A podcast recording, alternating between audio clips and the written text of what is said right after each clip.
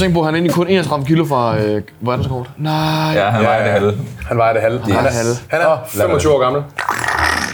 Øj. Man ved bare en dag, så er det sådan, Jamal er død af en overrivning midt på torsoen. Ja. Han, er, han er faktisk reddet midt over, bare torsen ligger bare. første armene, de bliver bare rykket af i den døde Ja. der. Kan I huske, når der, når der er teen movie, hvor han bliver taklet på banen og bliver reddet over? Det, det er ham om Altså, en uge. øh, Esben, har I, øh, har I en- sådan nogle puder eller hønder eller et eller andet? Er det fordi Ibsen er lav? Ja. Det mener du ikke. Det mener du ikke, mate. Det er jo forskammet. Jamen, er, er gulvet lavere her, tror jeg?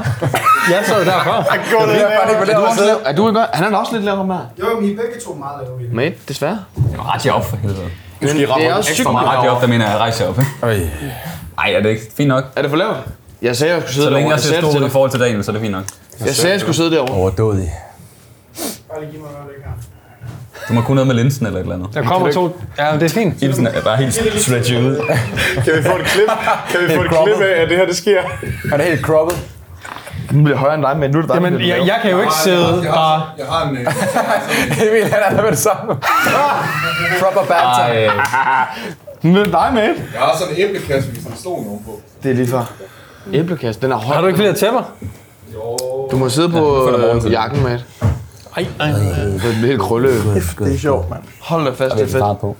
Godt, det kan komme med. Øj, et ansigt. Bare for alt det gode. Mate, nu stopper du. Er det det, der er igen? Nej, nej, nej. Du har en er sygdom, Du eller har en sygdom. Hvad sygdom for hvad? Peter har en sygdom, sådan en øh, øh, pigesygdom, sådan en, du ved, du er afhængig af, altså, kællinger. Gællinger. Altså, du mener... Øh, Nej, jeg bare kigge, og han skal, han, han, det nærer ham, når han lige ser noget pæn dame, altså. Hvem er Stine S? det er ikke ude endnu.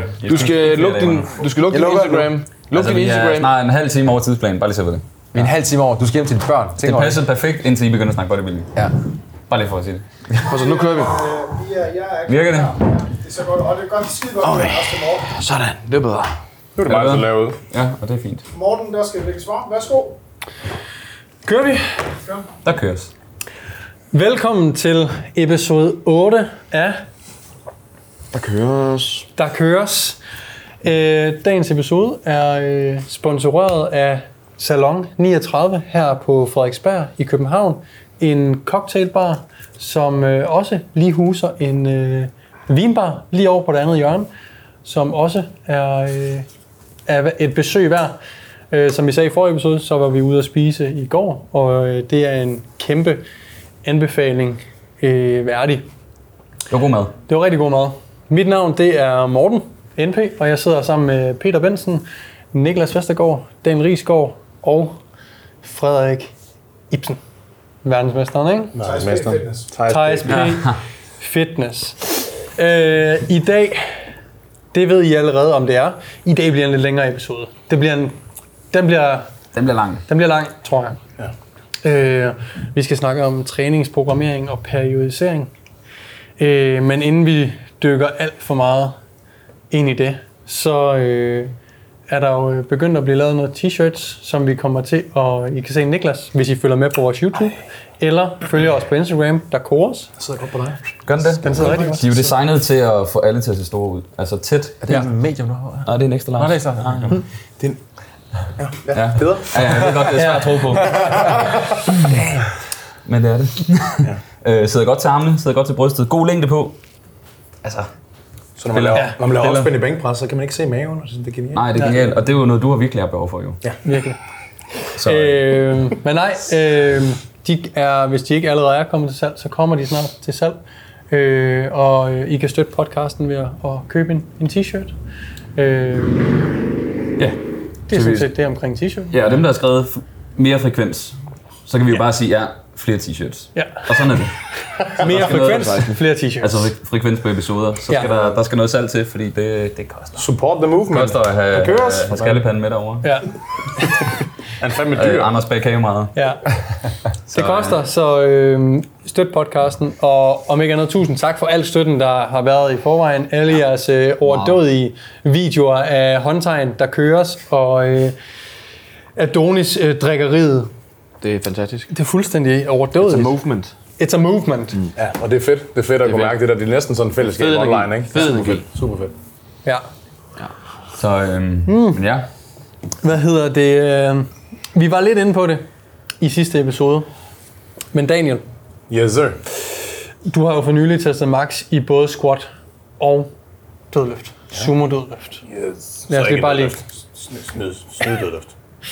Lad os bare lige få opfrisket, hvor mange Fake øh, kilo fik du i øh, squatten, og hvor mange kilo fik du i dødløften? Åh, du er sød, du? Jamen det er jeg. Øh, jeg har aldrig lige lade ham svare. Nej, du, du skal aldrig lade ham svare. Prøv at nu kommer han. Ej, nu skal Ej, jeg høre. nu skal jeg, nu skal jeg, ja, ja. Det var en kamp. Nej, øh, jeg fik 280 i back squat. 280 kilo. Dem tog jeg ud i min baggård, faktisk. Og i dødløften var det 300 kilo. Og bare for sådan at, at kringle den sådan lidt ind på, på dagen, dagens emne. Mm. Hvorfor valgte du lige de to løft, og hvordan øh, bliver man så fucking stærk i squat og dødløft?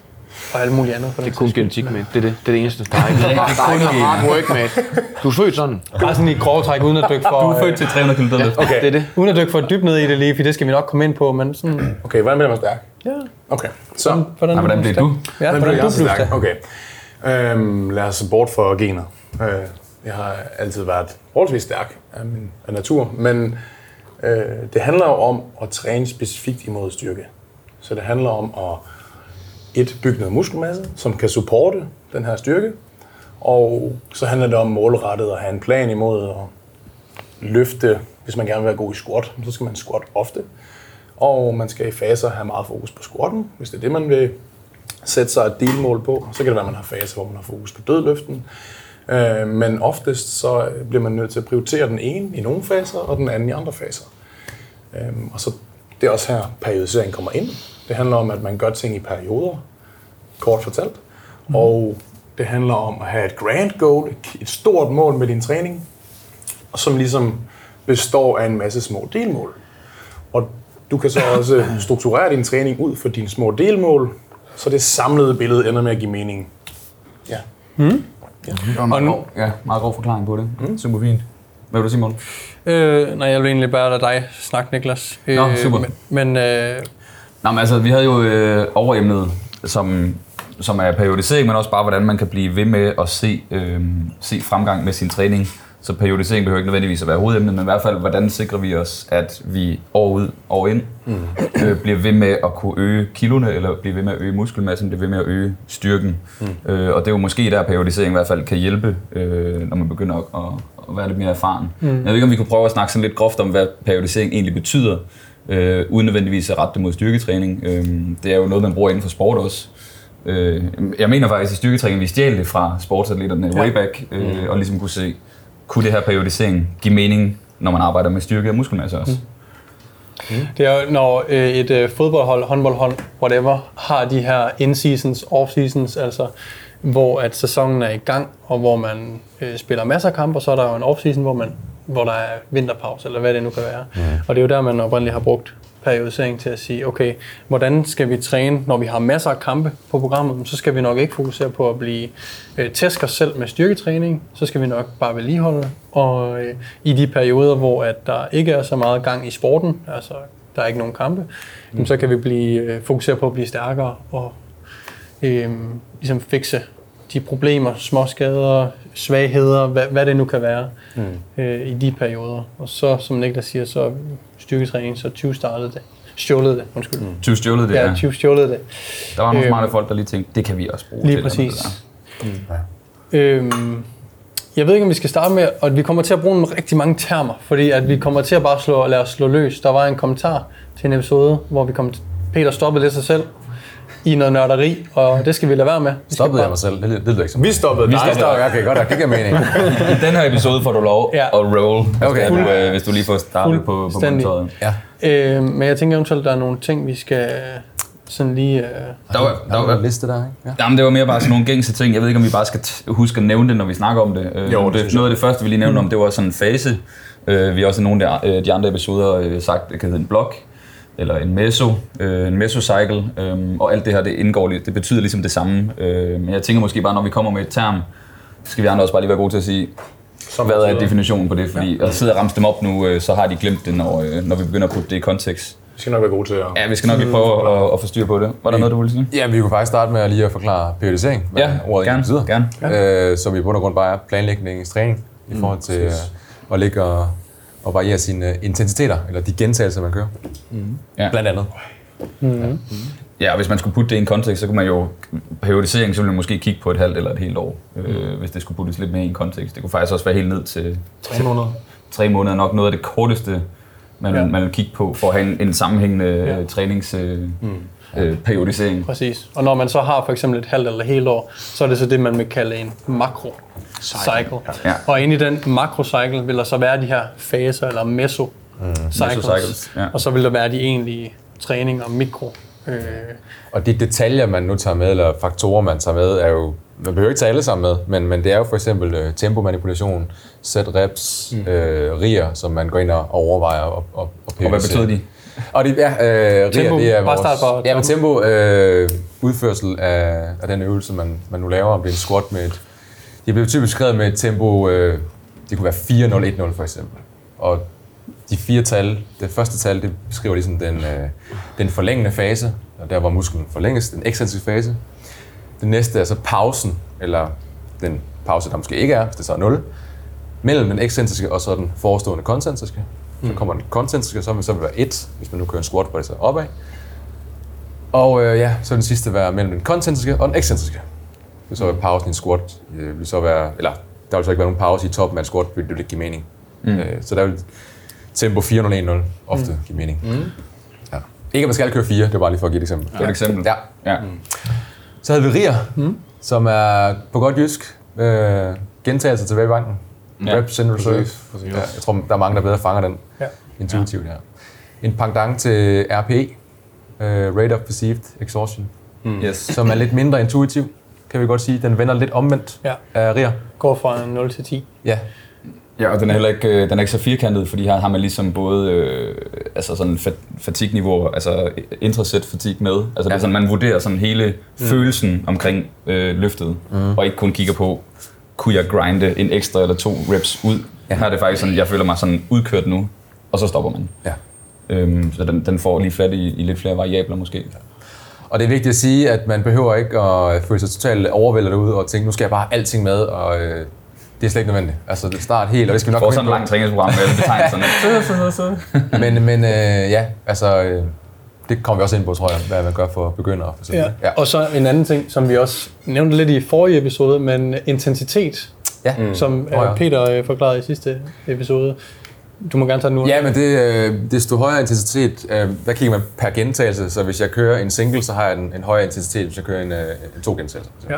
Og intensitet er Belastning. Ja. ja. Kilo på stangen. Kilo på stangen, ja. ja. Ja. lige præcis. Ja, så Og, når øh, vi siger høj intensitet, så mener vi, at det, det er tungere løft, Ja. relativt øh, tungere løft. Og hvis man på lige skal? Ja. jo, og hvis man skal sætte, uh, sætte det i sådan en kontekst, så styrkeløfter kører en højere intensitet end bodybuilder, der har en højere densitet, mm. typisk. Og det tror jeg, mange misforstår, som du siger. Ja. Mange. Og densitet er Det er, hvor, mange, hvor høj volumen man har pakket ind på en, en given tidsenhed. ja. Ja, sådan en time for eksempel, ja.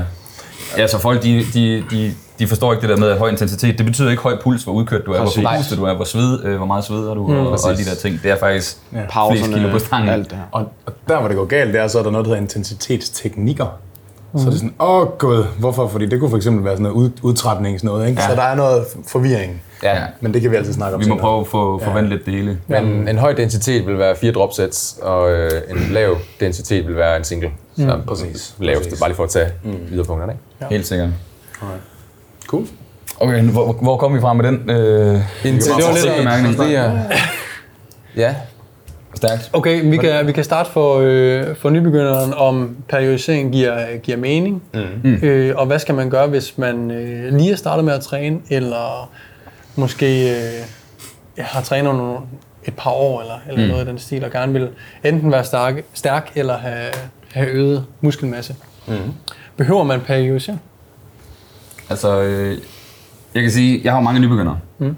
Og øh, der er graden af detaljer meget, meget, meget lav.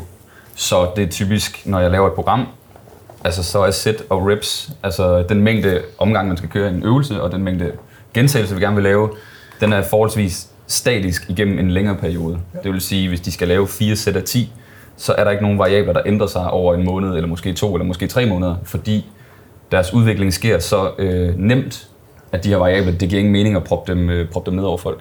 Øh, fordi de, er så, de responderer så godt, fordi stimulien er så ny for dem.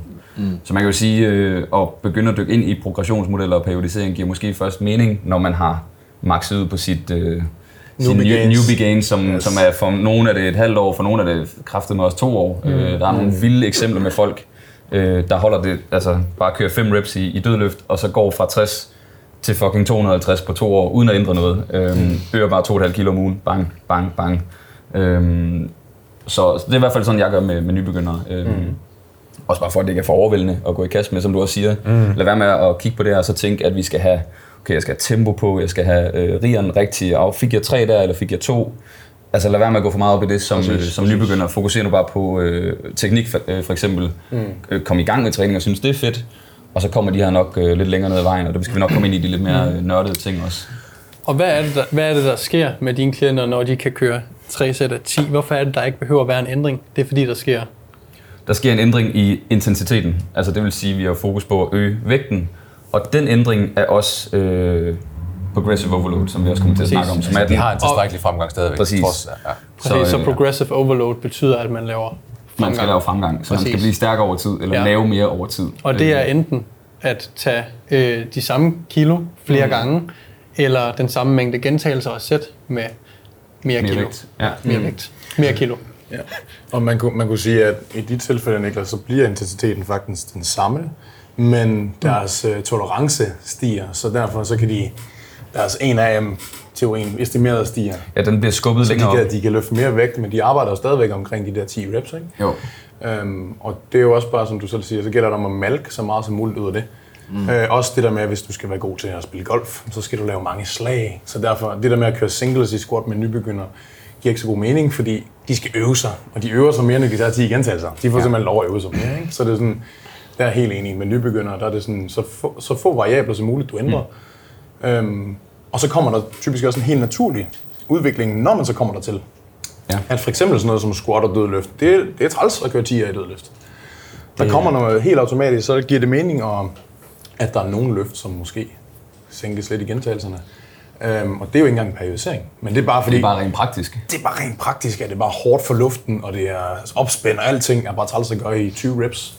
Øj, det er træls. Ja. Så det, der kommer der en helt automatisk udvikling for nybegyndere, ser jeg også, at øh, de er mere motiverede for at få lov til at løfte lidt tungere i de store løft, når de nu er blevet mere øh, vant til dem, så at sige. Jo. Jeg har også lige en indskydelse, eller havde du en kort en? Ja, det er bare, altså, vi, vi det, jeg tænker, det er de færreste, der kommer ned, om, om de har en personlig træner eller ej, der, der kommer ned første dag i center, og så tænker jeg, nu skal jeg bare grind 10 etter. Altså, mm. Ja, ja, ja, altså, det- der er jo en eller anden form for planlægning alligevel over det, man laver. Ja, ja. Man har jo hørt markeren, der kører 10 eller 12 gentagelser, hvad det nu er, ikke? Så Jo. der er jo et eller andet stadigvæk, men man i går så en planlægger. sådan, Ja, så folk, øh, altså man kan ikke komme udenom, alle har en form for periodisering. Ja, præcis. Nogle er bare mere bevidste om det, Ja. og er mere detaljeorienteret, mm. øh, hvor andre, altså du har stadig en periode med træning. Øh, skifter du program, er det en ja. periodisering. Ja. Den Men- er bare lang. Ja, Jeg, jeg, vil mene, jeg vil mene, hvis du bare laver en ændring og går fra øh, 10 gentagelser til 8 eller, eller 6, mm. er bare ren programmering. Du ændrer bare en lille ting. Det er ja. ikke noget, du har planlagt, og det er heller ikke en fordi... At, periodisering. Et eller andet altså, sted, ikke? Ja, men igen, når det ikke er planlagt, og det ikke er... Altså, Ja, så du har selvfølgelig ikke hovedplanen med Nej. ind i de overvejelser. uden du Nej, nej. det. Ja, det er det, jeg er lige... Ja, ja. så er det ubevidst. Ubevidst periodisering. Det giver mening. Jeg havde det vil, jeg, ting, det vil øh, jeg kalde programmering. Ja, og der at kan du vi laver en også lille lige øh, snakke forskel også jo. Ja. Der var lige en ting, jeg lige vil sige også, øh, sådan, når vi skal kigge på, altså, hvordan man bliver bedre, øh, både muskelmasse og styrkemæssigt. Øh, så virker det jo til, at, at key-faktoren, det er øh, altså volumen. Øh, og nu siger jeg det lige, fordi at det var det, vi snakker om, at når man holder tingene statisk, så er det jo faktisk din volumen, der stiger, og derfor bliver du ved med at få fremgang. Altså, Og volumen, det er bare sæt gange øh, gentagelser gange de kilo, du bruger. Ja. Så sæt, hvis du holder din rep range statisk, men øger vægten på stangen uge for uge, ja. så, stiger din, mm. øh, så stiger din volumen, og det er sådan key-faktoren. Ja. Og det er, jo, det er jo der, hvor periodisering bliver godt, for der kommer på et tidspunkt, hvor du måske ikke har mulighed for at lave de her stigninger i volumen, ja. så du bliver nødt til at planlægge træningen på en anden måde for at lave øh, progressionen. Det bliver sværere at stige kilo på tierne, fordi hver gang du stiger 2,5 kilo, så det er 10 reps, du skal gøre der. Ikke? Lige præcis. Det Ja, har så været nemmere, volumen- hvis det kun var 5 reps, du skulle stige. Ikke? Ja. Så det, det er jo det. Så du har de tre variabler, der på en eller anden måde skal gå op over Jeg kan vi ikke lige få dem igen, bare lige så de har dem, øh, ja. kan huske dem. Nej, kan du huske dem? Ja, Nu sagde du bare de tre mængden, variabler. mængden, ja, den ene er mængden af sæt, den anden er mængden af gentagelser, mm. og så er det kiloene på stangen. Yes. De tre ting lagt sammen giver volumen. Mm. Lige præcis. Og det er de tre variabler. Det er ikke alle tre, der behøver at gå op på samme tid og lige så hurtigt, men en af variablerne skal gå op. Der er typisk en af dem, der er altid... Øh, den, de andre kan vi jo manipulere, ikke? Det Ja. er bare smidt tæt med på, på Præcis. så har vi løftet og løftet. Mere. Ja. Øhm, nu snakker vi lidt om nybegynderen, at det måske ikke var så vigtigt, øhm, og vi kan komme ind med nogle, nogle praktiske programmeringsting til sidst måske. Mm. Øh, men så vi kan måske prøve at snakke om, hvis man måske har trænet i, i et par år, og, og ikke bare kan følge et program øh, slavisk eller statisk. Øhm, altså, hvad, hvad begynder man at gøre, når man, når man begynder at gå lidt mere ind i, i træningsnørderien? Altså, hvordan kunne en, en periode se ud, en periodiseringsperiode, for eksempel? Jamen, øh, der er jo nogle forskellige periodiseringsmodeller, øh, tilgange. Og øh, nu siger du godt, at vi kommer ind til en, der er lidt mere erfaren. Nu kommer nu alt jo relativt, så nu... En, der måske har trænet i to-tre måneder. Så Det kunne det sagtens være også. ja. Ja, for vi har ikke sagt, at nybegynder ikke kan, Nej, men det kunne være unødvendigt. Ja. Ja. Øh, men hvis jeg kører også, øh, altså jeg kører også periodisering på mine nybegyndere for Ja. ja. at holde det spændende. Så ja. der er nogle andre detaljer også. Du kører bare. jeg vil sige afhængig af, af igen, alting, det, det er kontekst, ikke? Det er det, vi Ja. ligesom er. Ja, præcis. Men, men det kommer an på øh, den model, jeg, som jeg ønsker at, at, at putte ned over min, øh, min klients træning, det er jo øh, graden af, af træningserfaring. Øh, fordi, for at tage et eksempel, vi har Dan Rigsgaard, øh, kan bedre klare øh, større spring i intensitet end eksempelvis en, en nybegynder. Mm. Så på mig nu. Ja, nu peger jeg på dig. eksempelvis en nybegynder. øh, nej, men, men, men der vil jeg jo... Øh, Og der snakker du fra fase til fase. fra fase til fase, ja. Fra meso til meso. Så for en nybegynder vil jeg bare køre en helt klassisk lineær periodisering. Og en uh, lineær periodisering er, at man uh, i, en, i, en, uh, i en fase kører uh, 10-12 gentagelser. Mm. Fasen efter kører man 8-10, så man laver en lille stigning i intensitet. Mm. Så kører man 6-8, og så til sidst 4-6. Men det er over en lang periode, hvor man ligesom tilpasser øh, centralnervesystemet. Der er noget, øh, hvad hedder det, desensitizing af det, vi kalder Golgi-seneorganet, som er sådan en beskyttelsesmekanisme. Øh, så, så der er sådan den her langsomme øh, tilpasning, som er nok til, at vi ligesom ser den her øh, progressive overload. Der skal ikke mere til, simpelthen. Og de kan ikke mere. Nu delte du det ind i fire faser. Ja, det er så- og det er siger jeg gør Og, og det er Ja. over hvor lang tid? Bare så Det er, det er sådan lidt, hvis man hvis man skal sætte noget på det, så vil hver fase nok vare, igen det er individuelt, Ja. hvordan man, hvor hurtigt man udvikler sig. Ikke? Men lad os sige fire uger cirka. Ja. 4-5 uger. 4-5 uger. 4-5 uger. Så der går 12-15 uger, før de rammer den her rigtige, altså forholdsvis tunge intensitet for nybegynder, ikke? altså 4-6 gentagelser. Men det er de klar til, hvor man, hvis man omvendt starter med, at de skulle køre lad os sige 6-8 eller sådan noget, så vil de jo ligge, den klassiske er, at man kommer ud, og det hele det ligger bare og ryster op i Så de er simpelthen ikke, altså CNS er ikke klar til det. Der skal selvfølgelig være en lille, altså fordi det er en ny belastning, ikke? Men, men det skal ikke være for, øh, for voldsomt. Præcis, præcis. Nej, så det du nævnte der, det var faktisk en periode på 4-5 måneder ish. Ja, Øh, og så den periodiseringsmodel, du bruger, er lineær... Øh, for nybegynder. Lige præcis. Ja. Hvor man så falder i volumen, stiger i intensitet. Lige præcis. Øh, Hvor det er gradvist. CNS. Centralsystemet. Ja, godt. Så din krops sådan kommandocentral i virkeligheden. Ja, det er jo sådan den mest, den Helt mest klassisk. brugte, mest øh, klassiske, og, Ja. øh, og der er mange, der får mega god øh, resultat, altså mega gode resultater med det her. Før vi går videre for det, så prøv at gå lidt mere i dybden, Peter, fordi nu er det lidt ledende, men hvad vil målsætningen være for de fire træningsfaser? Når du, når du starter ud med at øh, køre øh, 10-12, så går du 8-10, og så går du 6-8 og så videre, så videre. Hvad kunne, skal der være en skal der være en målsætning med det, den her lineære pro- progression? Er det, er, er, det, er det muskelmasse? Er det styrke? Er det relativ styrke? Hvad er målet? Øh, det er egentlig bare, øh, altså både, øh, altså det er primært neurale adaptationer, der sker i, i den første periode, ved vi rent faktisk bare aktiverer den muskelmasse, som vi rent faktisk har i forvejen. Mm. Så der er også noget intra- og intermuskulær koordination, der ligesom øh, sker. Og der kan være mange... Det betyder, at de bliver bedre til øvelserne. Ja, mm, man bliver simpelthen teknisk bedre til at udføre øvelserne. Øhm, og hvad målet er, jamen det er selvfølgelig at få noget, øh, få noget muskelmasse på. Mm. Øhm, Vil du altid, vil du altid sænke reps over tid, hvis målet er muskelmasse? åh, det, det, det er et stort spørgsmål. Ja. Det er også mere, Øh, fordi så folk forstår, okay, skal ja. man altid starte på Jeg høje reps, og altid slutte på, Ja. på lave? Altså, ved, gør Nej, men altid det, altså inden for den, altså når der er lineær periodisering, så vil vi jo se den her lineær periodisering. Mm, Så vi faktisk sænker, hæver intensiteten over tid. Ikke? Lige præcis. Man kan jo så sige, man kan jo, så bestemmer man jo selv, hvor langt man vil gå ned. Ja. Så hvis styrke ikke var målet, kunne man bare sige, okay, min linje periodisering går fra 12 reps til 6 reps, fordi det er den praktiske hypotrofi range. Nu, nu, I går øjne, fordi det, det er ikke Men så øh, hvis, hvis målet var at blive stærk i bænkpres og squat, øh, nu taler vi som, som om tingene er uafhængige af hinanden her, ja. altså, det, Ja, ja. det er jo ikke, men, men nu bare lige for at dele op, mm. men så vil jeg stadigvæk tage sådan en, øh, sådan en fase her, ikke? Altså, mm. det, fordi det er først efter det her, vi begynder at, at måske at lege med nogle ting. Mm. Og, og der vil jeg gå givet væk fra en, en lineær periodisering over til øh, noget, som jeg har, øh, som jeg synes er, er sexet, og, mm. og, og det er også du har været under, når du har prøvet mm. at, du har kørt det online med, med Stefan, ikke? Jo. Det er den her øh, ondulerende periodisering mm. på, øh, på meso-niveau. Præcis. Og Det var en meget vild sætning Det var sige. meget prøve Ja, at øh, Undulerende betyder? ja, at vi ligesom, at vores, hvis man kigger på det hele, nu sagde du, øh, hvad hedder det, makro, øh, den helt store året, jamen så ligger vores intensiteter og ondulerer. Så øh, Svinger i virkeligheden. svinger, ja, ja. øh, så, og der kan man, det kan man tillade sig at gøre med en, øh, en med højere træningserfaring. Så man går måske fra en fase... Noget andet, man også kan gøre, der er lige en lille indskydelse, det er i stedet for at køre øh, altså lige intervaller, hvor man bare kører 10-12, så kan man også gå ind og lege med at sige, jamen så kører vi måske, vi kører fire sæt, men i første sæt, der kører du 12, så kører du 10, så kører du 8, og så kører du 8. Mm. Altså- Fordi der kan vi inde i selve øh, mesoen tilpasse os den næste meso. Præcis. Så, så springet igen ikke bliver for stort, mm. men vi får smagen af begge. Ja. begge. Nu skal folk lige holde tungen lige i munden her, mm. fordi, og det bliver også nørdet, men øh, I må prøve at følge så godt med, som, øh, som I kan. Ja. Og ellers så må I jo, øh, købe, ellers må I jo købe et forløb med øh.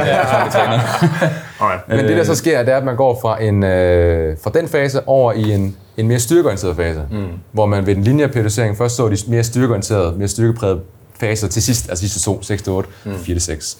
Der går man direkte over, måske kører, det kunne være 5 gange 3 til 5. Mm. Så går man tilbage i en volumenbaseret fase. Mm. Der vil jeg lægge volumen, afhængig af målet selvfølgelig, men det skulle være den samme eller højere mm. for min A-serie, end den er for min, den første fase, altså de her 12, 10, 8, 8. Når du siger højere der, er det så bare øh, mængden af træningssæt, eller bare højere i kilo?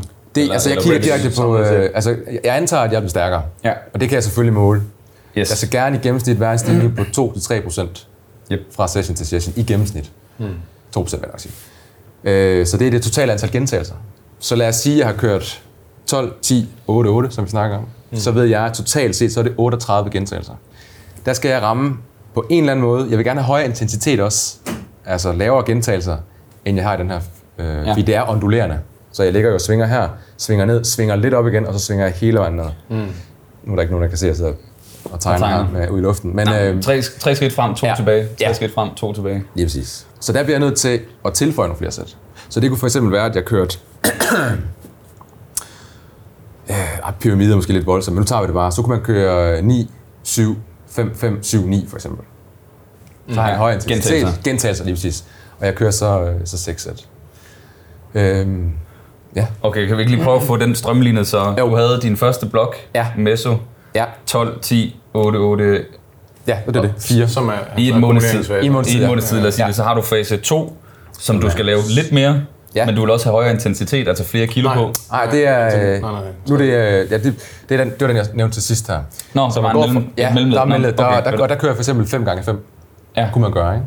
Mm. Øh, eller 5 gange. Det, det, der er mange ting der. Men jeg går i hvert fald over at køre en mere styrkepræget, øh, Ah, hvor okay, ja. der er færre gentagelser, der er højere intensitet. Så ondulerer jeg over, svinger over i en ny volumenfase, hvor jeg vil have højere intensitet. Mm. Og samme volumen eller højere volumen. Okay, på den måde. Ja.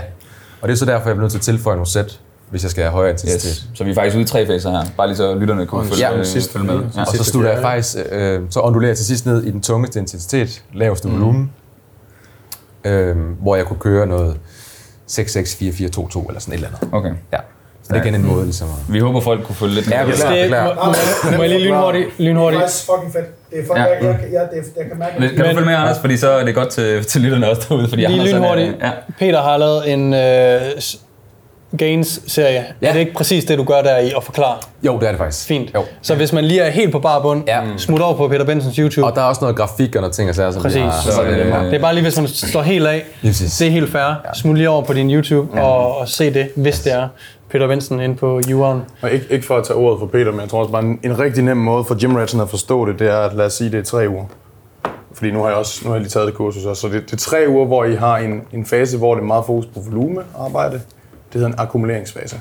Så kører I efterfølgende for eksempel tre uger, hvor I kører en lille smule tungere. Efter det går I tilbage til noget bodybuilding-arbejde og så går I ned igen til styrkearbejde. Og, for, og det, der er gennemgående hele vejen, det er, at samlet set, så kører du tungere og tungere og tungere for hver fase. Så din bodybuilding-fase bliver sammenlignet med den her bodybuilding-fase, den her styrkefase bliver sammenlignet med den her styrkefase. Det er en meget god måde at se det på. Så folk Ja. ja. bodybuilding styrke, så er det lidt mere firkantet sat op. Præcis. Selvom det ikke er så sort-hvidt, så det er bare lidt nemmere at forstå. Men hvad, kald, hvad kalder man den periodiseringsmodel? Er det bare en, Det er en, en, ondulerende øh, model? ja. Men det, ja. At ondulerende kan så også laves på, som jeg sagde, det var på makroniveau, altså den helt store, ikke? Jo. Der ligger svinger fra fase til fase. Ja. Man kan også svinge i, øh, inde i selve, hvad hedder det? Mikrofasen. Mikrofasen. Og Øh, lige hurtigt, mikro, det er bare det er ugens træning, Lige præcis. øh, så folk er med på den. Så der ser man også det her DUP, altså Daily Undulating Periodization, øh, hvor vi ligger og svinger på ugenlig basis. Mm. Hvor vi måske i, i starten af ugen, der har vi øh, 10-12, så har vi midt på ugen 4-6, så har vi øh, 6-8 til sidst. Ja. Der ligger vi fuldstændig og svinger. Så der er to-tre forskellige rep ranges på den samme muskelgruppe samme uge, ja. i forskellige øh, områder. Ja. Og øh, den sidste ting, jeg lige vil sige, inden øh, nu har jeg snakket rigtig meget, det er, at øh, det kommer ikke, der er ikke noget, der er rigtigt og forkert her i forhold til periodisering. Mm. Det kommer meget an på temperament. Jeg, og det er også i hvert fald et håndværk, man har siddet med, jeg har siddet rigtig, rigtig meget med undulating periodization, den som jeg snakkede mm. om før. Og i, mit, i min forståelse, der giver det bare rigtig meget mening, at man bruger 3-4 uger på at blive rigtig god til den her intensitet her. Mm. I stedet for, at man ligger inde i mini, mini øh, hvad hedder det, fasen og ligger og ondulerer. Men så var jeg faktisk inde og lave en podcast sammen med vores, øh, vores kollega Mathias Hostrup, mm. som jo gav mig et nyt perspektiv i forhold til, at der er også nogen, der bare kommer ned, og, og motivation er en ret vigtig faktor i det her, som synes, det er fedt at ligge og svinge her hele tiden her. Mm. Og der kunne DUP faktisk give, give rigtig god mening. Mm. Så kan man sige, bliver resultaterne lidt dårligere, måske, men der er vedvarenhed for ham klienten. Han bliver ved med at træne. Så long term er resultaterne Lige bedre. præcis. Lige præcis. Ja, så, og, og den person, som kører DUP, har måske ikke på makrofase lige så mange ændringer i det store billede, men de har bare rigtig mange ændringer på ugenlig basis. Mm. Så de kører måske lidt det samme program, lad os sige 12 uger i streg, men, men det vil så i stedet for, at de har tre uger intenst med 15'ere, mm. så har de det bare i hver uge, så du samler måske samme antal uger, altså sessions samlet set. Ja. Øh, problemet er bare, at det der med specificitet, det kan godt være, som du siger, at man, man når aldrig rigtig blive god til det, for man kører 15 år, så kører man 10 og så kører man 5 år. Ja. Så det er sådan, du ved, øh, det er sådan lidt rodet, kan det i hvert fald godt ja, være, ikke? Altså t- take home med DOP'en, og grunden til, at den blev så populær, den klassiske DOP, altså hvor det er inde i, i mikroen, øh, det er vel netop, at du ikke mister Bare lige, Øh, kan du lige bare lige sige DOP? Bare Ja, DOP det er jo Daily Undulating uh, Periodization, og det, uh, når det er daily, altså DUP, så er det mikrocyklusen, vi snakker om, altså ugens træning. Ugens, ja. Der har vi uh, ændringerne i rep range og intensiteter. Godt, så er nogenlunde med. Men hele ideen med den var jo, at hvis du havde en, en hypertrofi-fase, en volumenfase, bodybuilder-fase, Du gør det helt på en gang. så, gør du, så har du stadig en lille smule øh, arbejde nede i styrkeområdet. Yes. Fordi så når du skifter over i din styrkefase, så har du allerede lidt af de tilpasninger. Det er jo så lidt det samme med, bare med, altså, Ja, på, på større... Ja, ja, på lidt større plan, så, og så outcomeet, vi gerne vil have, Ja. er det samme. Mm. Øhm, så jeg, som du siger, det kan også være efter humør. Altså, hvad for en strategi synes man er fedest? Ja. Jeg ved for mig, jeg kan godt lide at have øh, DUP, fordi at jeg kan fandme godt lide at komme, øh, komme ned i den intensitet øh, hele tiden. Ja. Men jeg gider heller ikke at have hele mit arbejde, for jeg er også øh, Præcis. lidt bodybuilder. Jeg vil fandme gerne have pump på også. Mm. Men jeg vil ikke slippe det et helt måned. Jeg vil lige lave 5 og 3 og ting og sager.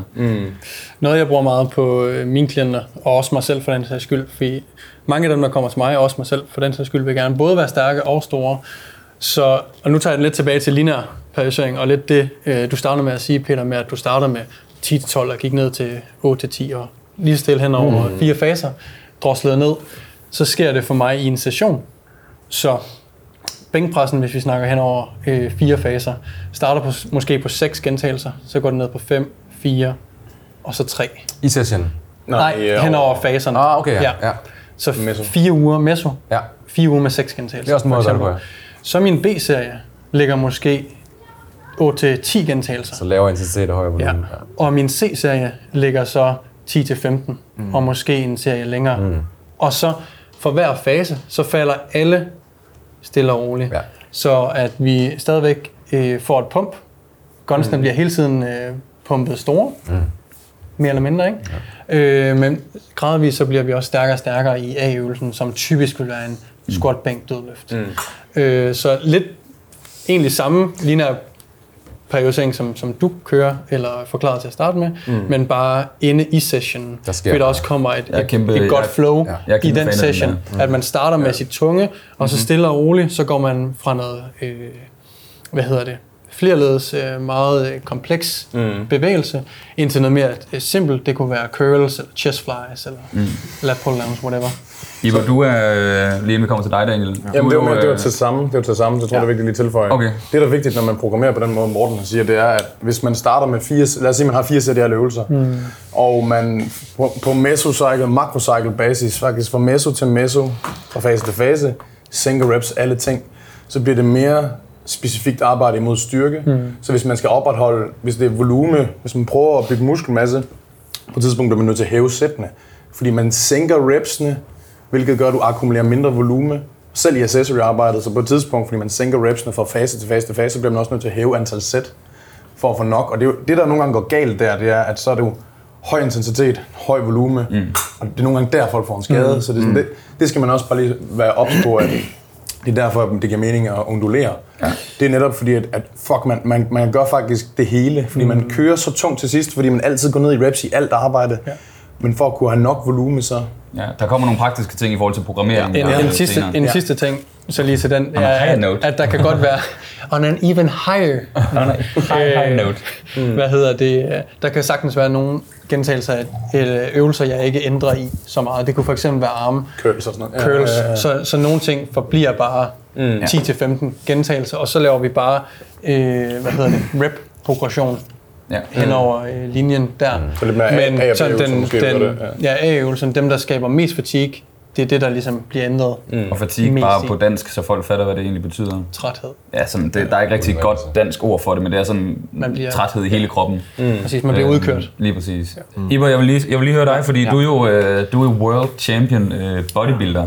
Mm. Dit fokus, selvom dit fokus er bodybuilding, så ser vi dig også lige lave øh, femmer på 22 i dødløft Ja. og sådan noget. Hvad, hvad gør Så du man- egentlig?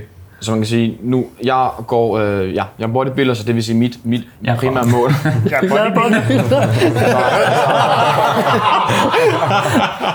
så mit, mit primære mål, træningsmæssigt, det vil Var det nødt til hej eller sådan noget? Jeg er bodybuilder. Jeg er bodybuilder. Mit primære mål inden for træning vil altid være hypotrofi. Ja. Ja. Altid. Og det har det altid været. Det vil sige for, forøgelse af muskelmasse. En dag skal det nok lykkes for dig, mate. Det tænker jeg. Ah, holder ved, Jeg prøver stadig knække koden. Hvad hedder det? Så min periodisering er ligesom ud fra det. Så det vil sige, jeg...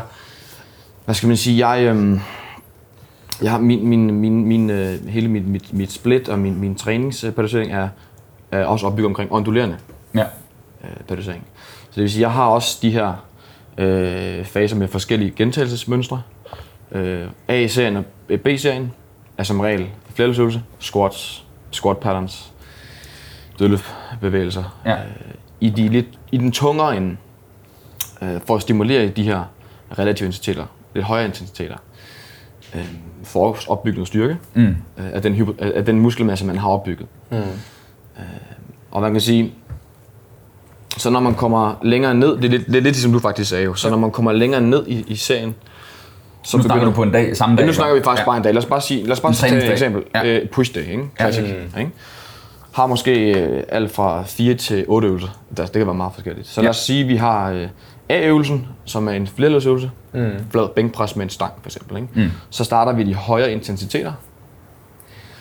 4 til 6, eller 5 til 7, eller 6 til 8. Hvor at vi ligesom, når, så vi kommer, når vi kommer længere og længere ned, øh, B-serien, kommer vi måske ned til en, en dumbbell, altså håndvægt øh, øvelse, skråpres for eksempel. Kommer længere ned, så kan det være, at det er en cable fly. Det bliver mere, mindre og mindre taxerende øvelse. Mm. Right? Så derfor så kan vi tillade os at hvad kan man sige, gå, gå mere til kanten, og hvad kan man sige, vi kan øge gentagelserne. Mm. Det er det med også at få et godt pump. Ja. Ikke? Øhm, Ja, Arbejde tættere på failure. arbejde tættere på failure. failure. Ja, her, her, nu snakker du meget programmering, ikke? Nu Jo. selve træningsprogrammet. Ja. Jamen, det du prøver på, det er jo, du prøver bare at ramme, ramme en bred vifte af det, man ved, der giver både muskelmasse, Præcis. øh, som styrke også giver. Ja. Altså, det er jo ikke sort-hvidt. Mm, så den styrke, du opbygger, øh, ja. Ja. kan jo så bidrage til noget af det andet også. Bestemt. Og ved- jeg, jeg øhm, den seneste mange år faktisk, så jeg, jeg har gået lidt fra, jeg, før i tiden var jeg meget, gav det meget mening for mig at køre rigtig mange stillhedsøvelser. Det giver stadig mening, men mm. Hvor jeg måske før kun havde fire til fem øvelser. Og så måske øh, fem eller seks sæt squats. Fem eller seks sæt øh, dødløft variant. Mm. Meget, meget taxerende. Færre Men det- øvelser, flere færre sæt. øvelser, ja. ja. Og det virker, der er ikke noget der. Men det, jeg, det jeg fandt ud af, det var, det var meget, meget taxerende, så min, min, mine progressioner i det, og ligesom min, min, mit drive og min vedvarenhed, i den, den dalede sådan. Du er også far, ikke? Også bare. Altså, der skal være noget overskud, når man Så det der, det, det, der, gav- det, der gav mere mening, det var, at jeg tilføjede faktisk flere øvelser med mindre sæt, og så lidt den her tilgang med, du ved, A-øvelserne, tak, squats, de, de er Tak, svære, ja, hvor man kommer længere og længere ned. Øh, hvad skal man sige, mere su- supported øvelser, ikke? Mm. Maskiner, øh, kabler, Isolationer. Isolationsøvelser, ikke? Øh, og så tilføjet de mindre sæt, kun tre øvelser per øvelse, øh, undskyld, tre sæt per øvelse. Mm. Ja. Hvor, hvor jeg ligesom, jeg høster altså, så maksimalt ud af øvelsen. Øhm, intensitetsmæssigt, Ja. øh, volumenmæssigt. Øh, Og det gav mig bare, når jeg kigger tilbage, så gav det mig bare bedre progressioner ja. hen over tid. Ikke? Hvad med sådan øh, det større billede? Nu snakker du meget på, øh, på Ja. dagsbasis. Hvad er din sådan, øh, altså i din fase, hvad er ligesom tendensen i, Ja. øh, igennem den?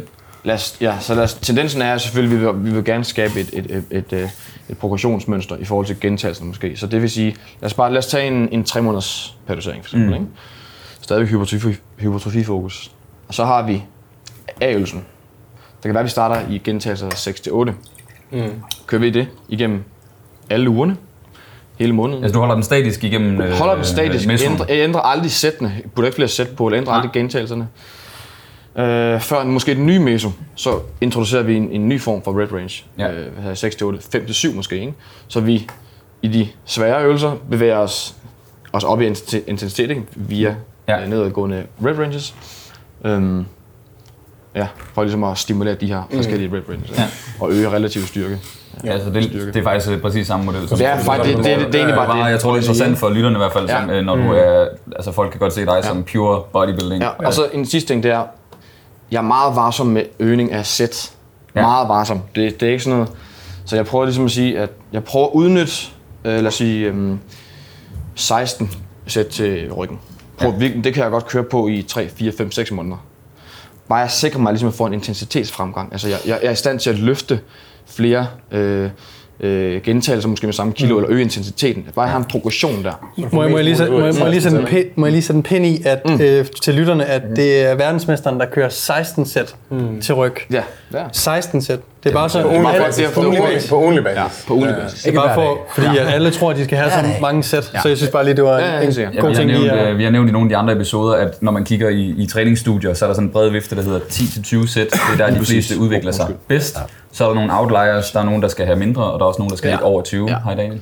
Og så, øh, og så er det igen for, for, at de har noget kontekst. Altså, Iber herovre, han kører altså 16 sæt til ryggen. Det var lige et eksempel. Ja. Ja. Det kan godt godt være, det er mere. Nu er det bare lige for at sige, Ja, ja, det, vi prøver virkelig at holde, holde ja. i form af volumensættene så lavt som muligt. Ja. Altså, men jeg, jeg, jeg skal ligesom se en intensitetsfremgang. Ja. Ikke? Ja. Ja. Og indtil jeg begynder at kaste mere på, øhm, altså før jeg begynder at kaste mere på, ikke? Jo. Okay. Ja. Okay. Uh, undskyld, har du mere? Nej, du mere? det var- det var- Okay. Det var ikke for at stoppe. Nej, nej, det, Havde Peter en higher note, end du Jeg har har? det, jeg har du har en det. higher note. ja. Så, så det jeg tænker, det er, at bare lige for at vi øh, får zoomet ud og sådan lige forstår, okay, der er noget periodisering. Mm. Hvad er det? Ja. Periodisering handler om, at du har, øh, lad os, lad, os tage, lad os tage et års træning, Ja. bare for at forstå, hvordan kan du bruge Ibsen, så hvordan kan du bruge Mortens og Peters og Niklas' cues, og der er så måde at gøre tingene på. Jamen, hvis dit grand goal er muskelmasse, så skal du bruge mere tid på en intensitet, som er relevant for muskelmasseøgning. Hypertrofi altså. Ja. Så lad os sige, du har blokke undervejs, der er styrkebaseret. Du har blokke undervejs, som er- der er noget, der... øh, Bare lige for at tage et eksempel. Relativ styrke i nogen, ikke også? For eksempel, der er også noget, der hedder øhm, hypertrofibaseret, der er noget, der hedder... Øhm, åh, hvad var den sidste, den- den hed? Du var... Absolute strength. Absolute strength. Ja. Så du har forskellige rep ranges, der giver dig forskellige ting. Yes. Absolute strength er det her sweet spot, hvor du både bygger styrke, men du bygger også muskelmasse samtidig. Du har også noget, der er relativ styrke, som arbejder med, gør dig så stærk som muligt, uden du egentlig gainer muskelmasse, så du får mest muligt ud af det, den kropsvægt, du er på. For eksempel styrkeløftere. Du bliver bare nødt til at i gennemsnit bruge mere tid på hypertrofi-relevant arbejde, mm-hmm. for at det år rykker dig mest på hypertrofifronten. Mm-hmm. Så du kan sagtens have faser, hvor du arbejder med styrke. Du skal bare være sikker på, at gennemsnittet Yes. af dit arbejde på årsbasis er mere hypertrofibaseret. Og ja. hvis du er styrkeløfter, så gennemsnittet af et helt års arbejde, jamen, selvom du har nogle hypertrofifaser, så skal du stadigvæk i gennemsnit have mere arbejde, hvor du arbejder på styrke. Og det er vigtigt at sætte sig ned og se, okay, hvad er mit helt store mål, langsigtede mål? Okay, mm. men det er, jeg vil være stærkere, jeg er styrkeløfter. Okay, men hvor meget kan jeg så tillade mig at bruge tid på hypertrofi, og hvorfor er det relevant for mig? Og hvis det er relevant at bygge noget muskelmasse, fordi du kan vokse i din vægtklasse, så prioriterer du at indlægge de her faser, men det må ikke fylde mere end dit styrkearbejde. Mm. Og det er sindssygt vigtigt i forhold til periodisering at tage med, at okay, det handler om gennemsnitsintensiteten igennem hele den her, det her år. For hvis du arbejder med 90% plus, guess what? Det er relativ styrke. Du, du bygger ikke ret meget muskelmasse deroppe, medmindre du kører rigtig mange sæt. Og hvad er problemet med det, hvis man gør det? Ja, ja. Det, problemet er, at hvis du prøver det, så går du i stykker. Typisk, ikke? Og du træner i 5 timer hver dag. Præcis. Og, og det, det er nok det største takeaway, som jeg også eksempel har taget for det der kilo strength. Jeg synes, han er god til at forklare det. Det er det der med, at man, man kigger på gennemsnitsintensiteten, og det var super spændende, fordi jeg havde en, der skrev til mig i min indbakke, hvad er din gennemsnitsintensitet på din programmering? Jeg ved godt, hvem Det er skal det. interessant. Ja, ja, og, og det, der var spændende, det var, at jeg var sådan, hmm, det er jeg faktisk ikke klar over, men jeg har jo en måde, jeg gør, ligesom I gør, med reps, hvor I kører dem tungere og tungere over tid. Men grunden til, at det er relevant, det er jo for at vide, når jamen, jeg har nogle faser, hvor jeg kører 72, så har jeg faser med 4, 74 og 80 og 85 og 90. Men på årsbasis, hvad er gennemsnittet af intensiteten? Og gennemsnittet, det må betyde, det er det arbejde, vi laver mest. Mm. Og gennemsnittet, det er jo det, som er det, du får ud af din periodisering. Fordi hvis du bruger rigtig meget arbejde mellem 75 og 85 procent, det, det er virkelig et sweet spot for hypertrofi. Ja, 100%. Så hvis du så regner din gennemsnitsintensitet ud på årsbasis, og den ligger på 60 procent, så er det sådan, okay, fuck, det var måske egentlig ikke målet, eller 90 procent. Præcis. Ja. Og det, det er et godt takeaway. Mm. Helt, ja, helt vildt godt takeaway. Jeg kan også, øh, jeg ved, Eric Helms, øhm, øh, hvis man ved, om det er, eller skal man gå ind og tjekke ham ud. Han har sådan en tommelfingerregel, øh, sådan, når man kigger grov programmering, så siger okay, men er du styrkeløfter, så brug 70-75% i dine styrkeranges, resten i hypotrofi, mm, og omvendt, øh, så 25% øh, hypotrofi, 75% styrke, omvendt hvis du er bodybuilder. Så igen, så du ikke slipper de her ting, fordi mm. vi kan jo godt bruge styrken som bodybuilder, mm. og, og styrkeløfter kan godt bruge muskelmassen til måske at øge deres, øh, Ja. øge deres styrke, fordi der er nogle weak points og ting og sager. Og om skældet ligger daglig ondulerende, eller månedlig ondulerende, eller meso til meso, eller makro til makro, det er, egentlig, det er egentlig ligegyldigt. Det handler bare om at bruge mere tid på det, som der er dit mål yes. i virkeligheden. Ikke? Ja. Øh, til- jeg kom til at vidlede dig lidt før, det du var lidt godt i gang, så sagde absolute strength, det er forkert. Uh, relative strength Relative er strength. relativt til kropsvægt, så det er den, han bruger. Ja. Absolut har- tager ikke udgangspunkt i kropsvægten. Så hvis man Ja, kigger det er på- modsat. Det om, der modsat. må du også gain muskelmasse, ikke? Jo, ja. så den er, den er modsat der. Øh, Relative strength, det var nemlig, hvor det er kun super, super tungt, ikke? Ikke- Ja, ja, Ja. ja. præcis. Det var godt, jeg lige fik dig til at tage det kursus ind i dag. Ja, det er absolut, ja. Absolute strength er bare, hvor meget kan du fucking løfte. ja. Relative strength, det, så tager du din kropsvægt med Det er fordi, det, der bruger det Ja, ja, ja, men jeg tror, at vi er absolute strength, der er målet også biprodukt. Vi vil også gerne get jacked. Altså, der, Ja, ja, der, det er ja, fint. ja, relative, det er, jo, det er jo det, der minder om, men øh, du må ikke bygge mere muskelmasse, du skal blive så stærk, du overhovedet kan. På Men der, altså hvor du er. høj, høj vil, Wilks, tror jeg, kalder det inden for Jo, styrke. jo, præcis, Ja. Wilks. Ja, ja. Øh, og så den anden, han har, det er ikke fordi, det skal handle om Stefan, der bruger han øh, funktionel hypotrofi, så hypotrofi, og så strength endurance. Den deler han okay. sådan. Men fuck det. Man kan dykke Øh, ind i hans kursus. Man kan ja. købe det, hvis man har lyst til at nørde det. Yes. Øh, Eller hedder Kilo, Kilo Strength Society, ja. Så kan man jo gå ind og, nørde den, hvis man har lyst. Jeg tænker ikke, vi skal dykke fuldstændig ind. Ja, øh, det er ret spændende. Lige i forhold til, øh, nu siger du nogle ting i forhold til, øh, til, til hypotrofi, mm. og det er bare lige for at tage, øh, jeg, jeg giver dig overvejende fuldstændig ret. Mm. Øh, hvis man er bodybuilder, så skal man have, sørge for at få en, øh, få en, få en højere volumen. Mm. Så man skal ligesom ligge lidt højere i gentagelser. I, altså igen. I hvert fald i snit. Ja, I hvert fald i snit, ja, ja, ikke? Jeg vil så sige, at, øh, og det var faktisk noget, jeg også lærte ved, øh, ved Stefan, fordi han, da jeg begyndte ved ham, jeg købte et år ved ham, mm. inden jeg havde mentorship. Og øh, det, som han gjorde rigtig godt ved mig, det var, at han vidste, at jeg i lang tid har kørt bodybuilding-style. Mm. Jeg har ikke kørt tungere end 6 reps måske. Så han så en idé i, at vi øgede intensiteten, øh, hvilket jo giver en anden stimuli i forhold til, øh, til hypotrofi. Han sørgede bare for, at min vo- volumen stadigvæk var Matchet. matchet, så nogenlunde. Ikke? Mm. Så man kan faktisk godt tillade sig at køre triples for eksempel, eller hvad det nu skal skal bare være. sæt, ikke? Det skal bare flere sæt. Ja. Og det der, den der 10-20 sæt, den er sådan lige lidt, en, vi skal lige, fordi det kommer Ja. an på, hvis jeg kører 10 Hvor sæt, mange reps der er i sættet? hvor mange fucking, ja. altså det er så vigtigt. Ja, ja, det er det. Så det, er- det er sådan, Nå, hvis der er nogen, nogen der tænker, om jeg kører 3, så kan jeg nøjes bare med at køre 10 sæt. Mm. Mm, det er nok ikke rigtigt, Nej. hvis dit mål er bodybuilding. Nej, der er noget, Så skal praktisk. hypertrofi Ja, rep ja. ranges. Faktisk, Ja, ja, ja. måske kan man sige, de 10-20 Så det, og det er så måske minimum derfor, ikke, øh, Ibsen kan nøjes med at køre 16 sæt, fordi din gennemsnitlige intensitet ikke er så høj. Og hvor mange man får lov til, og så kommer vi tilbage lidt til det der med, hvor, altså udnytter du sættet, du ved, altså reps er, sådan noget, det, det, det må vi tage, det, det, det er fuldstændig enig i, fordi men- der er også noget der, ja. fordi, Men lad Der må vi bare sige, lad os sige, de gør det. Lad os sige, det gør det. Det så bliver nødt til. Ja, men det er præcis. fuldstændig rigtigt. Ja. Det er fuldstændig rigtigt. fordi der, Øhm, Ja, og det, det er faktisk en sindssygt god pointe, synes jeg. Det der, det, det er faktisk rigtigt, når man sidder og tæller sæt, okay, hvor mange sæt kører min, min øh, klient til bryst. Man, jeg sidder nogle gange og dobbelttjekker sådan, okay, hey, går jeg over de her 20 sæt? Ved ja. nogen er det okay, men, Ja. ja. men det er en god pointe, at det sæt, hvor du kører 5 sæt af 3, det er 15 reps, ikke? Kontra det sæt, hvor du kører 3 sæt af 20, det er 60 reps. Så er det sådan, du ved, alright, man skal bare huske, at der er forskel. Nogle sæt er mindre volume. Ja. Altså, mm-hmm. så Altså, de tæl, at kun så de burde kigge på, ja. øh, at kigge på sæt, så, så taber man sig selv på, Ja. ja. på gulvet. 100 procent. Men også, skal- der er nogle af dem, der er mere fatiguing, som, som I også nævnte. Altså, så hvis du kører 20, hvis du nu er styrkeløfter og kører 20 sæt til quads, Ja, ja. så kan Det du er fucking squats. Det er squats, Det er squat ikke? og, Ja, ja, og, ja, og og hvis det så er under 5 reps i det hele, Og det 20 sæt leg extension, det fatiger dem sgu ikke. Præcis, Altså så der, der er noget, når vi snakker om de her ting, øh, praktiske anbefalinger, altså man skal have det hele med. det hele med, ja. Lifestyle, Bestemt. men også øh, hvad, Ja. hvad er målet, styrke eller hypertrofi, Ja. så er der også forskel på, hvorhen du skal Og lige for at tage den øh, styrkehypotrofi, så er det jo faktisk, hvis det er Skal hypotrofi, altså øget muskelmasse, Skal så er det... Sorry. Men så, er det jo, så skal volumen jo ligesom ligge Præcis. højere, Lidt end hvis det er, højere, ja. lidt højere, hvis det er. Det er styrke. Men en styrkeorienteret, øh, altså begge lejre har godt af at komme lidt over hinandens lejre, Præcis. jeg sige. Yes. Så en, en styrkeorienteret øh, skal ligge med en højere gennemsnitlig intensitet, men vi ved også bare, at en større muskel er en stærkere muskel. Mm. Og som Anders Nedergaard han kalder det, robrugstræning, tror jeg, han kalder det, mm. øh, skal man også lave som styrkeorienteret løfter, fordi så går du fucking i stykker. Ja. Så ligger og kører triple hele vejen igennem, du er færdig. Og det er jo der, periodisering virkelig kommer til udtryk, fordi du har perioderne med lavere taxerende, øh, eller mindre taxerende træning, Ja. netop så din long-term øh, mission, den kan opretholdes. Ja, altså, derfor ondulerende periodisering giver mening, Ja. ja. synes jeg. Ja. Fordi det, det er jo netop det der med, at du får lov til i faser at køre dit, dit uh, rugbrødsarbejde. Mm. Mm-hmm. Og, og du også du opbygger noget kapacitet. Du opbygger noget, alright, nu, nu har jeg kørt uh, fucking 8 i squat i, i 5 sæt, ikke? og jeg har, jeg har virkelig arbejdet mig opad, så jeg kan virkelig holde til noget arbejde. Nu, kommer vi, nu går vi ned i reps, nu får jeg lov til at løfte tungere, og det er sådan, det giver en ting det mentale for atleten, men det er også bare sådan rent fysisk kunden. Du har bare øget din kapacitet som altså, trænet individ. Mm-hmm. Så når du går over og kører de tunge sæt, så er det sådan, shit man, jeg oplever mere overskud, end jeg gjorde forrige år, hvor jeg, jeg kørte min, min overgang fra min robrødstræning til min peak, til min konkurrence. Ikke?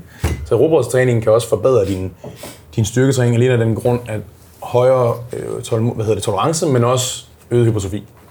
Altså, når du har mere muskel, så kan du også bare løfte tungere vægte typisk. Det går begge veje. Altså. Men så ser man også bare lige nogle gange, ah, sorry, det, så Det gør ikke de her dessert B-løfter, ikke? de er ikke særlig jacked, men de kan, ah, de kan løfte tunge ting. Ja, og det er jo tunge singler tit. Altså, Ja, tunge singler øh, selvfølgelig, ikke? Du ser olympisk løft. Ja, især for Ja, og hvor det, man for folk der er det jo øh, det, man ser igen på Eurosport, hvor de kaster hvor man øh, tænker, sindssygt kilo over how is this possible, ikke? Og det er fordi, det virkelig har kunnet udnytte den muskelmasse, de så Virkelig har. relative strength, ikke? Ja, Virkelig god helt vildt. Nå, Morten. Ja, Morten har siddet med fingrene op. Han er, du, du kramper helt i underarmen. Øh, nej, nej, nej, Det er lige før, nej. du laver dig køresfinger, fordi Ja. er så træt. Og nu skal jeg lige til at spole tilbage. Okay. Øh, fordi jeg vil gerne lige øh, opsamle på noget, I sagde lige for et par minutter siden, og så lige gå videre ind i noget andet, nemlig. For det her med, at... Så prøv lige. Så prøv lige, prøv lige at holde øh, tungen lige i munden, alle sammen. Ja.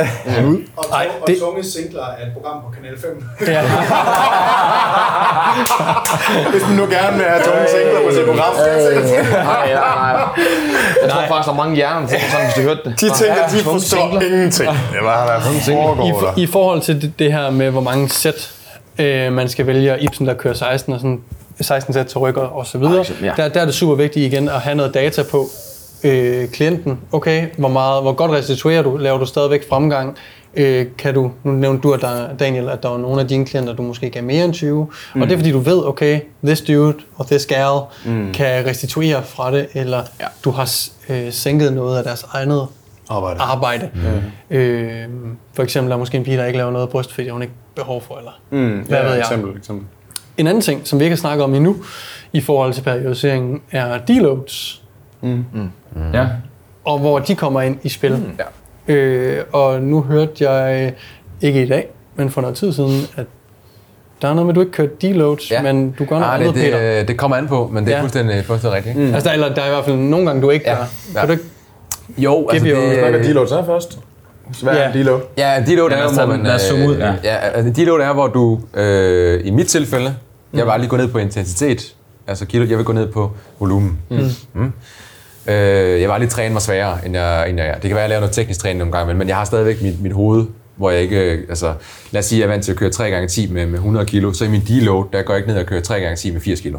Bare lige for at tage det eksempel. Det kunne jeg aldrig finde på. Man kan du sænker så, så, så sænker du sættene. sæt. Du sænker sættene. Mm. Ja.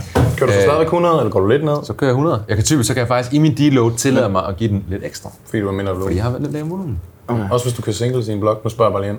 Øh, Hvis du kører sådan en rigtig, rigtig tung fase, er du ikke så bange for nogle gange, at, sådan, at man bare er træt i led og sådan noget? jo, der, der er nogle forskellige ting der. It jo, jo, depends. jo. It depends. It depends, ikke? Ja, fint. det tager vi senere. Ja. Men vi skal lige have i grove træk hvad, sådan, hvad, med din træning, så du siger, at du falder i volumen. Hvor meget falder du? 40 procent. 40 procent. Ja, så du har hvis jeg gør det, hvis jeg laver deload. Men du faktisk, den du er inde på, det er, at jeg ikke laver deload. Ja. Fordi når, der, når vi laver et skifte fra en, en uh, meso til en meso, mm. øh, afhængig af hvor, hvor store sving vi laver, så er der automatisk en eller anden form for, nu sagde jeg så ikke, at jeg ville deload på intensitet, men det gør man jo lidt automatisk. Så første gang du for eksempel kører, øh, kører dødløft, nu har du kørt øh, 4-6 i dødløft, så i en ny fase skal du køre, øh, du skal køre 5-5-3-3-1-1, eller hvad fanden det nu kan være. Mm. Så er der automatisk en indlagt deload, fordi du ved måske ikke helt præcis, hvad din femmer ligger på. Måske du underestimerer faktisk en lille bitte smule. Første uge. Så helt automatisk, så ligger der i den første session, igen, det er, der, det er uden, uden kontekst her, men der vil der automatisk ligge en lille bitte deload der. Så for de fleste, der vil det være nok. Ja, der kan vi også komme ind på træningserfaring igen jo. Ja. Hvor at, Der er jo nogen, der vil ramme deres femmer sådan der, ja, og så er der ikke nogen deload. præcis. Mm. Så, Og hvad vil de så? De skulle have en deload. De skulle have en deload, men den vil jeg faktisk først lægge ind, så lad os sige, at man har fire sessions. Nu ved jeg, at Ibsen gør det på en anderledes måde, og den, det giver faktisk også rigtig god mening. Men den, Den kan vi lige høre bagefter. Ja. Øh, så der vil jeg køre, lad os sige, at jeg har fire, fire sessions, det vil sige fire uger, hvor jeg kører programmet. Så vil jeg lægge min deload ind i uge 3. Fordi så har jeg en deload, hvor jeg endda, som jeg nævnte lige før, måske får lov til at lige kysse lidt, for jeg har lidt lavere volumen, lidt højere intensiteter, men jeg har stadig en lav volumen, 40% i hvert fald lavere. Det vil sige, at i min sidste uge, inden jeg går ind til de her løft her, som jeg er blevet god til at lave, jeg kender, øh, jeg kender gentagelserne, jeg ved, hvad for en belastning jeg, jeg kender teknikkerne osv., så kan jeg smadre igennem den sidste uge. Ja. Og så kommer der så en automatisk deload i den, fra den næste, som jeg så ikke er en deload, men som jeg så for alle vil der være en form for Snakker du hypotrofi her, eller styrke, eller er det begge dele? Øh, det begge dele. Okay. Men for mig er, er, er hypotrofi, hvis nu tager, nu sagde vi før, at hypotrofi det selvfølgelig var, var volumen, ikke? Mm. men hvis nu tager et eksempel, der, der er lidt sket det samme med dig, som der er sket med mig, dengang Stefan han fik mig under hans vinger, at han gik mere over at køre mere styrkeorienteret. Mm. Der var ikke nogen deload her. Ikke fordi nu det, måske lige prøve, prøve at komme væk fra dit og deload, men i dit tilfælde, du, du, du gik over og kørte faktisk styrkeorienteret. Mm. Du kørte det tunge løft, men som du også fortalte mig, at du har næsten taget lige så meget muskelmasse på der. Ja, det føler jeg fald. Ja. Nu, nu er det ikke, det måske selvfølgelig måles, ikke? Mm. Men det er jo fordi, dit skift i stimuli mm. har været så, altså, har været så markant. markant Jo, må- anderledes må jeg bodybuilding, ikke? Lynhurtigt, men så har du også lavet en del BB-arbejde ved siden af. Ja, men mindre, synes, mindre end du plejer. arbejder- Ja, ja. Men det har været markant mindre end... Men, men mindre. Ja, det, det, det, det er sjovt selvfølgelig. at se, fordi det er, de her sidste tre år, mm. sammenlignet med de tre år før det, mm. meget mere styrke. Ja, Altså, ja. altså det, det har jo været PR, jeg har fokus på, 100%, og, ja. og jeg har deloadet hyppigere for Ja. ja. du ved, manage fatigue og sådan noget. Ja, Jeg er slet ikke, altså, det er sjovt at se, men jeg synes fremskridtene i hypotrofi var altså været lige så god. Ja, ja. Det er ret sjovt. Men ja. du har også, man skal også sige, altså, nu snakker vi lidt væk for deloads, vi skal nok hoppe tilbage Ja, igen, sorry, men, men mængden, mængden af træning, der skal til for at opretholde den muskelmasse, man har, er relativt lav. Ja, ja, 6-8 sæt på ugenlig basis. Mm. Så når du laver dit skift over til noget mere styrkebaseret, så det er jo ikke fordi, det pludselig øh, forsvinder. Nej, nej. Men lige pludselig så begynder du at omsætte den muskelmasse, du havde fra før, til noget styrkearbejde. Mm. Så der, der, som du siger, der sker jo en ændring. Der sker en eller Så anden der vil også ske en udvikling.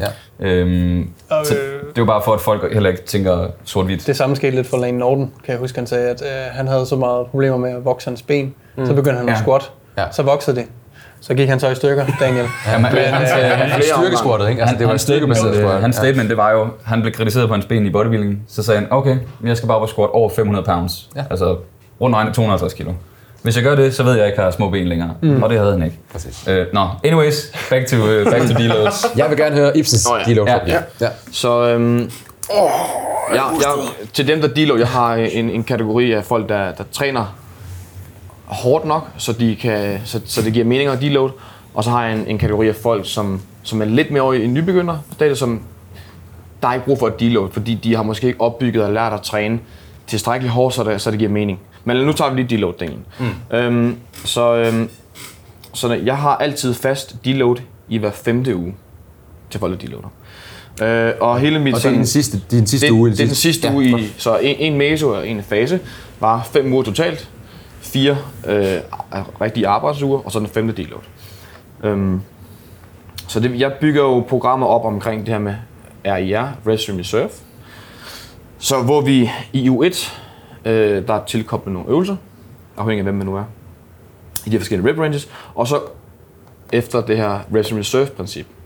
Så det vil sige, det kan være, at man i u 1 starter med gentagelser i reserven eller RIR, som kunne lyde på 3-4 måske. Ikke? Øhm, det er sådan, øh, der har vi alligevel 3-4 gentagelser tilbage i tanker. Det, det, er- der kan vi lige lære at finde ud af, hvor ligger vi nogenlunde henne. Det er stadigvæk fornuftigt hårdt, men, men vi kan sagtens øh, øh, hvad skal man sige, resultere fra det. Så, så går vi sådan i uge 2, hvor igen, meget simpelt, vi sænker gentagelserne øh, i reserven. Måske øh, 2 til 3 for eksempel. Det tager lige et spring. Ja. Øh, men det her det er så især på A og B-øvelsen. Når, man så, så, når vi så lidt længere nede, der ligger de rimelig statisk Ja. omkring, ja, ikke? fordi de er ikke så taxerende og så videre.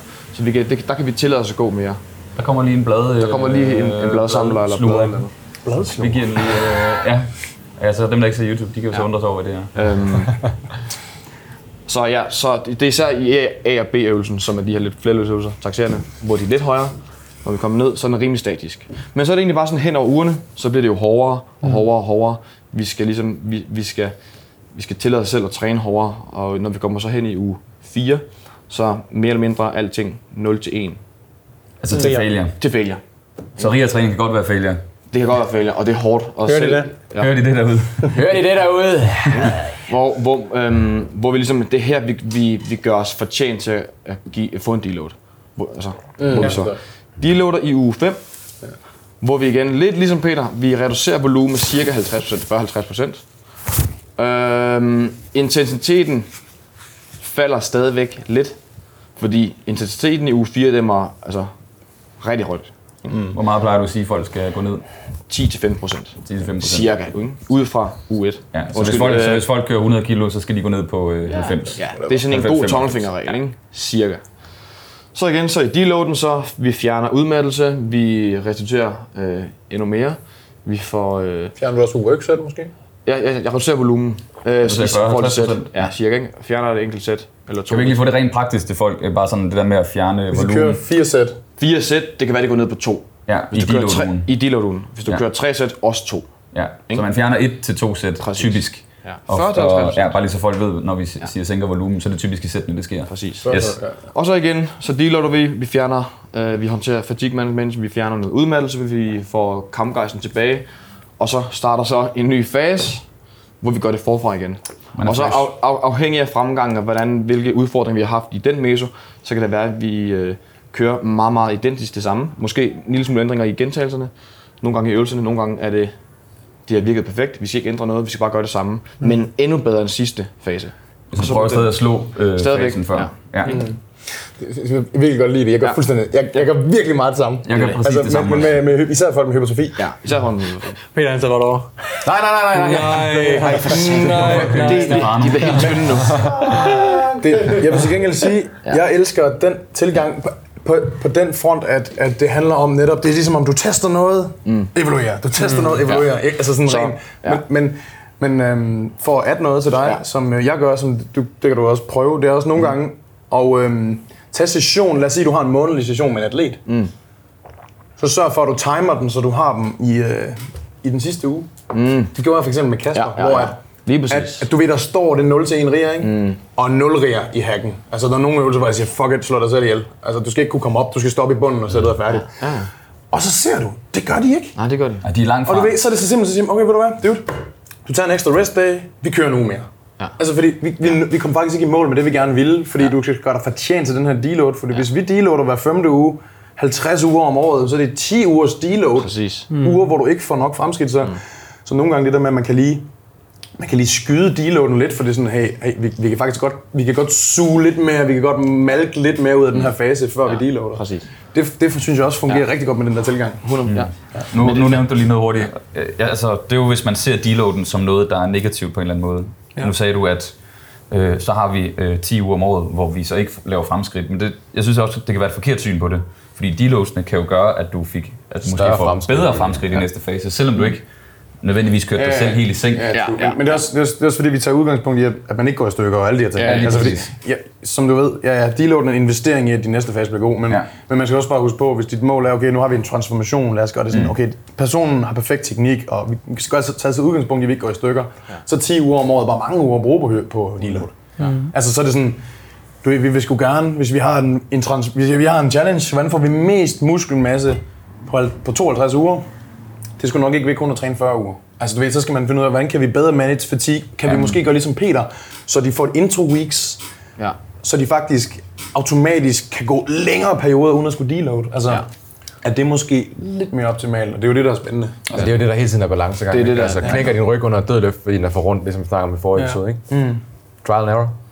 Men så igen, al, altid igen, øh, data på klienten, og eventuelt også øh, ikke bare, at de skriver kilo og øh, riger ned, men altså tester, okay, holder deres det. riger? Ja, ja, ja. hey, Fordi det er jo et af problemerne med riger. At der er Præcis. bare lavet nogle er studier på det, hvor folk så, ikke... så får øh, man, får, man, øh, får man måske video, hvis det er en online-klient, man ikke har en immunisation med. Får man videoer af deres løft, og sådan, okay, din teknik er perfekt, og okay, det her, det burde være tungt. Jeg burde bare se en lille smule... Øh, Sidde på panden. ja, og, det- og det har du sgu ikke. Nej. Kom lige ind til en Du session, er helt så... tør, mate. Ja, du er helt tør. Du er Øhm, knastør, mate. så lige det der med at indsamle, indsamle data, både hvad, hvor mange kilo de løfter, og hvad deres egen sådan, øhm, vurderede riger, RPE, er. Og hvis man er lidt usikker på, om, om, om de egentlig taler sandt, eller om de ved, hvad en riger 0 er, mm. så tager man den ind og øh, tager dem hårdt bagfra i hacksquatten. Ja. Øj. Men altså, jeg synes også, det er en god, øh, det er en skide god øh, tommelfingerregel til folk, der måske har lyst til at prøve de her ting af, hvor man faktisk har overskud i starten af programmerne, og så arbejder med rigeren. At måske prøv lige at køre et sæt, en AMRAP, og en AMRAP, Ja. det står for as many reps as possible. Så for eksempel i din bænk, find ud af, hvad er en riger 0 på den her vægt. Så have en, en, en marker, og så kør et, øh, kør et sæt, skriv Med god riger ned, hvad, hvad har jeg her? Okay, lige bagefter tager måske en lang pause, så amrapper du den. Så finder du ud af, hvor tæt var jeg med, med min ja. rigervurdering. Fordi en riger 4, det er fucking hårdt. Folk er sådan, en "Jamen, så er ægte 4 en, reps i ja. tanken. Ja, men 4 reps i tanken i squat, det er fucking hårdt. Ja, ja. Hvad hvis du kører høje reps, Hvis du kører høje reps, jamen også hvis du kører tungt, altså det er, det er relativt hårdt. Ja, Jeg tror, der sidder nogle crossfitter derude, der har ondt i numsen nu. AMRAP, det er jo egentlig as many rounds as possible. Ja, Ja, det, dem det, det, er bare ikke lige for, det er bare lige for god skyld. Ja. Der må man lige finde ud af, hvad målgruppen er. Ja, jo, ja, ja. Ud med den. Er du crossfit, du lytter med? Sluk. De står bare og tænker, okay, jeg har kørt. Nå. Jeg vil sige, det er imponerende, hvis der Jeg sidder en kan crossfit og, og hænge på indtil nu. Ja. Ja, det er faktisk Altså, Der var sådan en, hvordan skal jeg få gymnastics og, øh, og styrke og alt det her i det her. Og stavgang med. Ja. Ej, Så det er noget, jeg har respekt for. Det er CrossFit coaches, der kan programmere. Føj. Prøv lige at forestille jer, Stank. vi, vi kan nørde det her like a motherfucker. Tænk, hvis man Vi har den- kun én ting, vi skal tænke på. Det Tænk, er at gøre folk skal- fucking stærkere. Vi skal bare blive de skal, har, øh, de skal ud og svømme, de skal kravle i bjerge. Altså, oh, kæft, man. Prøv lige at tænke, hvor svært det må være at manage fatigue. Altså sådan at sige, øh, hvis, hvis man har en klient, der skal være stærk, samtidig med, at de skal bedre til gymnastics, de skal også være bedre kondi, og de skal fandme også lære at gå på hænder. Og så er det sådan, hvordan, hold kæft, det er svært. Ja. Du ved, det er bare sådan, ja, vi, vi, vi gætter bare. Ja, det er vildt nok. Prøv det her. altså, det, det er virkelig et stort puslespil, hvis man skal bruge de her principper i hvert fald. Ja. Det kan også være, at man bare er ligeglad. Ja, og bare får hyppigere feedback fra klienten. Er du ved at dø? Ja. ja jamen, så er alt, som det skal Så- være. så det skal mere. Er du der er træt af hverdag? Lyn, lyn, lyn, ting. Ja. Men man, det er i hvert fald, altså, før man virkelig kan, kan bruge det her RIR-system, så skal man, man skal faktisk virkelig lære at træne øh, hårdt nok. Det kan være, det ikke er for nybegynder måske. Nej, altså det er nødvendigvis slet ikke for nybegynder overhovedet. Det er også derfor, jeg sagde, at det der med, altså, en, en, jeg har en kategori af folk, som ikke træner efter de her principper, men lidt, mere, altså, lidt nybegynderne, ikke? Når man begynder at blive over, eller går lidt mere op i det i hvert fald, så kan det være, at det bliver først relevant der. Ja. Fordi man skal virkelig Ja. udnytte det der.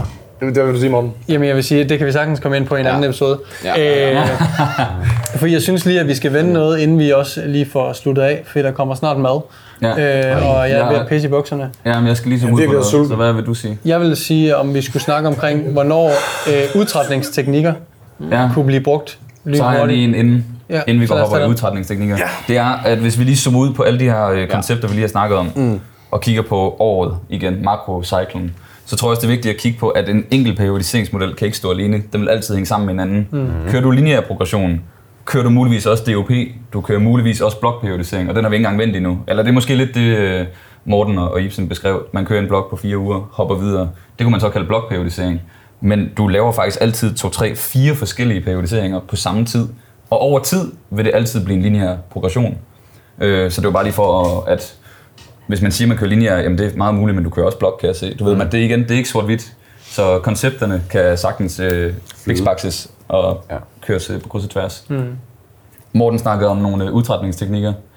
Så øh, en måde, man kan... Men se, ja, ja, Ja. ja. Kan, kan, Er kan, kan, her? ja, bare den sidste, Nå, ja. som er sjov, bare lige for at sætte tingene op på en, øh, sætte tingene endnu mere i perspektiv, det er, at drømmescenariet, hvis vi har en klient, som vil være rigtig stærk, drømmescenariet, som ikke er relevant, og det er ikke realistisk, men drømmescenariet var jo nok bare, hvis du skal være stærk til at køre singles, så kører du bare et helt år med singles i dødløft. Og så putter du bare 2,5 kilo på om ugen. Mm. Og der er en sjov lille historie. Øh, Christian Simonsen, som er min kammerat, som kommer hjem fra New Zealand, han har engang bænket 150. Kommer hjem fra New Zealand, ah, måske 160. Kommer hjem fra New Zealand, har ikke trænet i to år. Og så siger han for sjov til mig, Nikolaj Nyvang og Ibsen, så han mm-hmm. også Mm, dig. jeg kan godt huske det, jeg kan godt huske det. Nå, men gutter, nu laver jeg en, øh, en lineær progression. Jeg øh, starter på 100 kilo, og så kører jeg fire sæt singles, og så stiger jeg 2,5 kilo om ugen, indtil jeg tager 200 i bænkpres.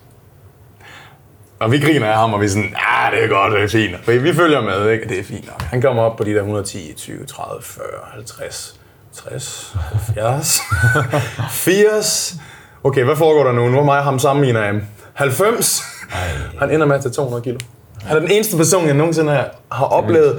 Han steg 2,5 kilo om ugen, lineært til han tog 200 kilo i bænkpres. Hvor lang tid tog det så cirka? Hvor lang tid tog det? Han Det tog langt, det går et godt stykke tid. Det, det men- jeg vil sige, han er, han er også freak of nature. Men Krong Men er freaking det er og Krong er fys, og han er så god til at, ja. at mærke efter. Men, men det der, det kan ikke lade sig gøre normalt. Og boy, han har også vanvittige gener. Han, han øgede 20 kilo body mass undervejs, altså, fordi han havde overhovedet ikke trænet. Han har været et stort skur før. Mm. Og rigtig mange ting at spille ind. Og han er, by the way, naturlig. Jeg vil bare lige nævne, man kunne godt have sine assumptions. Men, men det er jo drømmescenariet. Men for 9 ud af 10, måske 9,9 ud af 10, der kan det ikke lade sig gøre. Nej. Og det er sådan en ongoing joke, at ja, det kommer nok altid at ske igen, men vi har set en mand gøre det. Men, men det er drømmescenariet, det er bare at køre singles, fordi det er så specifikt, det overhovedet kan blive. Hvis man skal være god til at spille golf, så skal man spille meget golf. Hvis man skal være god til at tage en i squat, så skal man tage en i squat. Men grunden til, at man skal periodisere, det er fordi, på et tidspunkt stagnerer man. På et tidspunkt går det galt, og så bliver man nødt til at planlægge sig ud af det. Og stimulere på andre måder. Ja.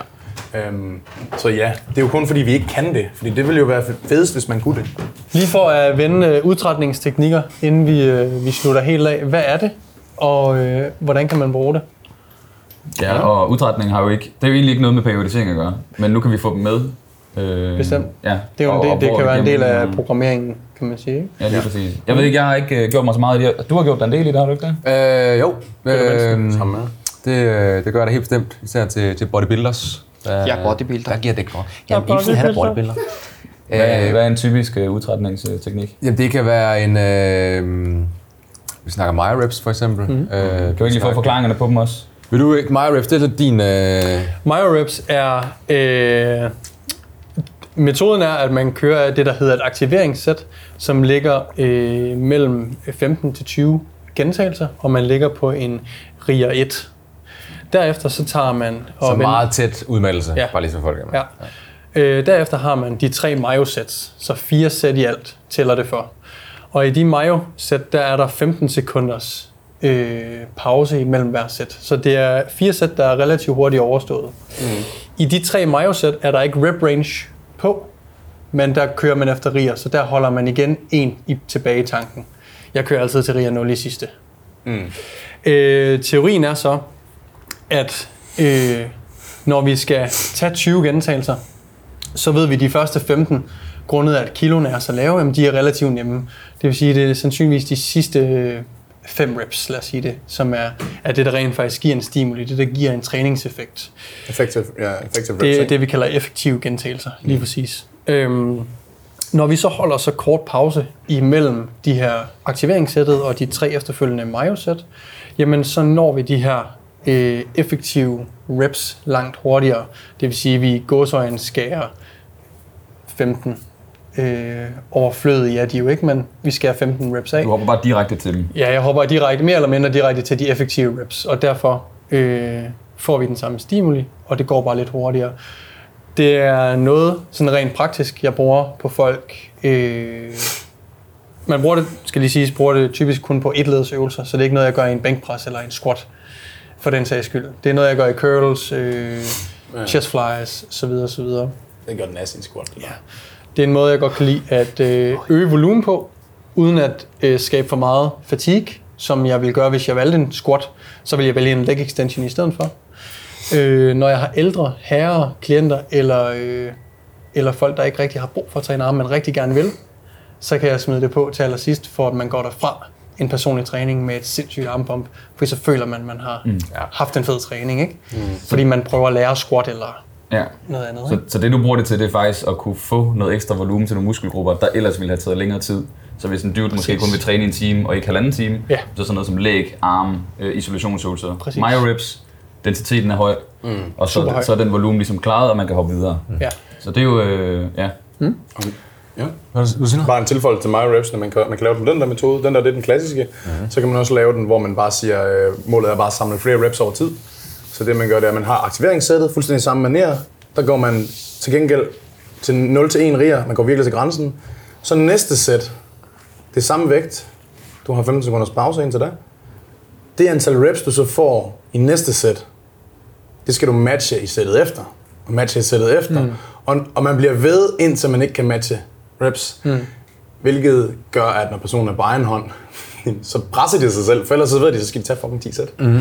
Så det, det er ret fedt det der med, at man tager måske 18 reps i første, og så får man 9 i næste. Så ved man, at man skal have 9 for at kunne få lov til at tage et sæt mere. Så tager man 9 og 9 og 9, indtil man kun kan få 8. Så stopper man.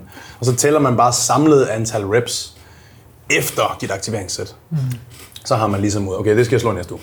Så kan man lave progression på den måde, hvis man vil lave progression på det. Ja, så du lavede 3 gange 8 det er 24 reps. Ugen efter kan det være, at du får 26 eller 28, og så kan du Ja, se ja. progression, også Så i man, MyReps. så man kan progress, faktisk lave progression i MyReps, selvom det er en finisher, ikke? Jo, fordi det er det, der er lidt ulempen med udtrætningsteknikker, og grunden til, at man ikke vil bruge dem for meget, og også på compound, det er jo, at de er svære at track. Altså det er svært at måle progressionen mm. på dem, fordi at det bliver sådan lidt junk volume. Ja. Øh, det er bare godt pump. Øh, så super Men, point. men man kan altid skrive det ned. Ja, altså du hvis du får sortere 18, 9, 8, 7, 7, så kan du skrive ned og prøve at se, om du kan slå det. Ja. Øh, En god, po- en god tommelfingerregel, hvis man ikke gider at skrive ned, det er, stiger dine reps i aktiveringssættet, så skulle du nok gerne lave, kunne lave fremgang, så frem du giver dig. Jamen, Altså, fordi lige pludselig så stiger, øh, hvis du nu kører 15 og ender i øh, mesoen med at køre 20 gentagelser, jamen, så er de efterfølgende aktiveringssæt sandsynligvis også ja. øget sandsynligvis. Mm. Øhm, ja. Det giver mening. Det var så MyReps. Øh, det er i hvert fald en måde. Ja, så har vi øh, drop sets. Favorit. Ui. Mm. Kan du også lige forklare, hvad, hvad det går ud på? Man øh, kører x antal reps. Øh, det kunne være 8 gentagelser. Så øh, reducerer man vægten med 10-20%, afhængig af... at Der er noget med nogle muskelgrupper, der er bedre til at øh, arbejde, øh, der, der er mere oxidative, så de restituerer hurtigt, bla bla bla. Øh, men mellem 10-20%, øh, så kører man 6 reps mere, reducerer yderligere 10-20% og tager 6 reps mere. For eksempel. Det er sådan en triple drop, kunne man gøre, ikke? Et triple drop set. Ja. Ja, så 8, 6, 6 tror jeg, jeg fik sagt, ikke? Nej, så, så er det Double drop. Så er det double drop, ja. Ja. ja. Formålet er, er det stadig det samme som MyRepsene? Ja, og det, er- det er jo, øh, altså vi får den her, øh, det, det er lidt mere over i metabolisk stress, vil jeg nok kalde. Øh, vi, vi, har, jo- vi har jo tre mekanismer, der ligesom inducerer primært til øh, hypotrofi. Den vigtigste, klart vigtigste, det er mekanisk spænding. Så har vi en, en lille smule metabolisk stress og øh, muskelskade, eller det man kalder, ikke en fibersprængning, men øh, exercise induced muscle damage, EMD. Og øh, nu er det så det metabolisk stress og mekanisk spænding, vi kigger på. Mm. Og de, der, der vil drop sets nok have en overvejende mere metabolisk stress end mekanisk spænding, og så vil MyReps øh, have mere... Øh, mm. Ja, det er sådan meget sat på spidsen, men det er sådan set det, man, øh, Ja, så man kigger på. så formålet er lidt det samme. Altså man Ja. får egentlig også bare at klemme noget volumen ind på kort tid. Ja.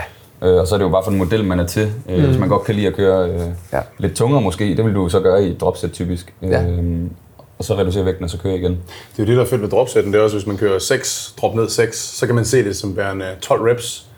Men 12 reps, man kan køre potentielt tungere, end man normalt vil kunne køre 12 reps i streg. Mm. Så man sådan, hvis man skulle, lad os sige, at man skulle tage 12 reps, der kunne man måske køre 100 kilo. Så kan det være, hvis man tager de første 6 reps, der kører man måske 130, og så går man ned på, på 100 derefter. Så, det er sådan, så du samler faktisk mere volumen på de 12 reps, end du normalt ville have gjort. Ja. Sådan kan man også se det. Øh, Så det bare en måde at øge volumen -agtigt.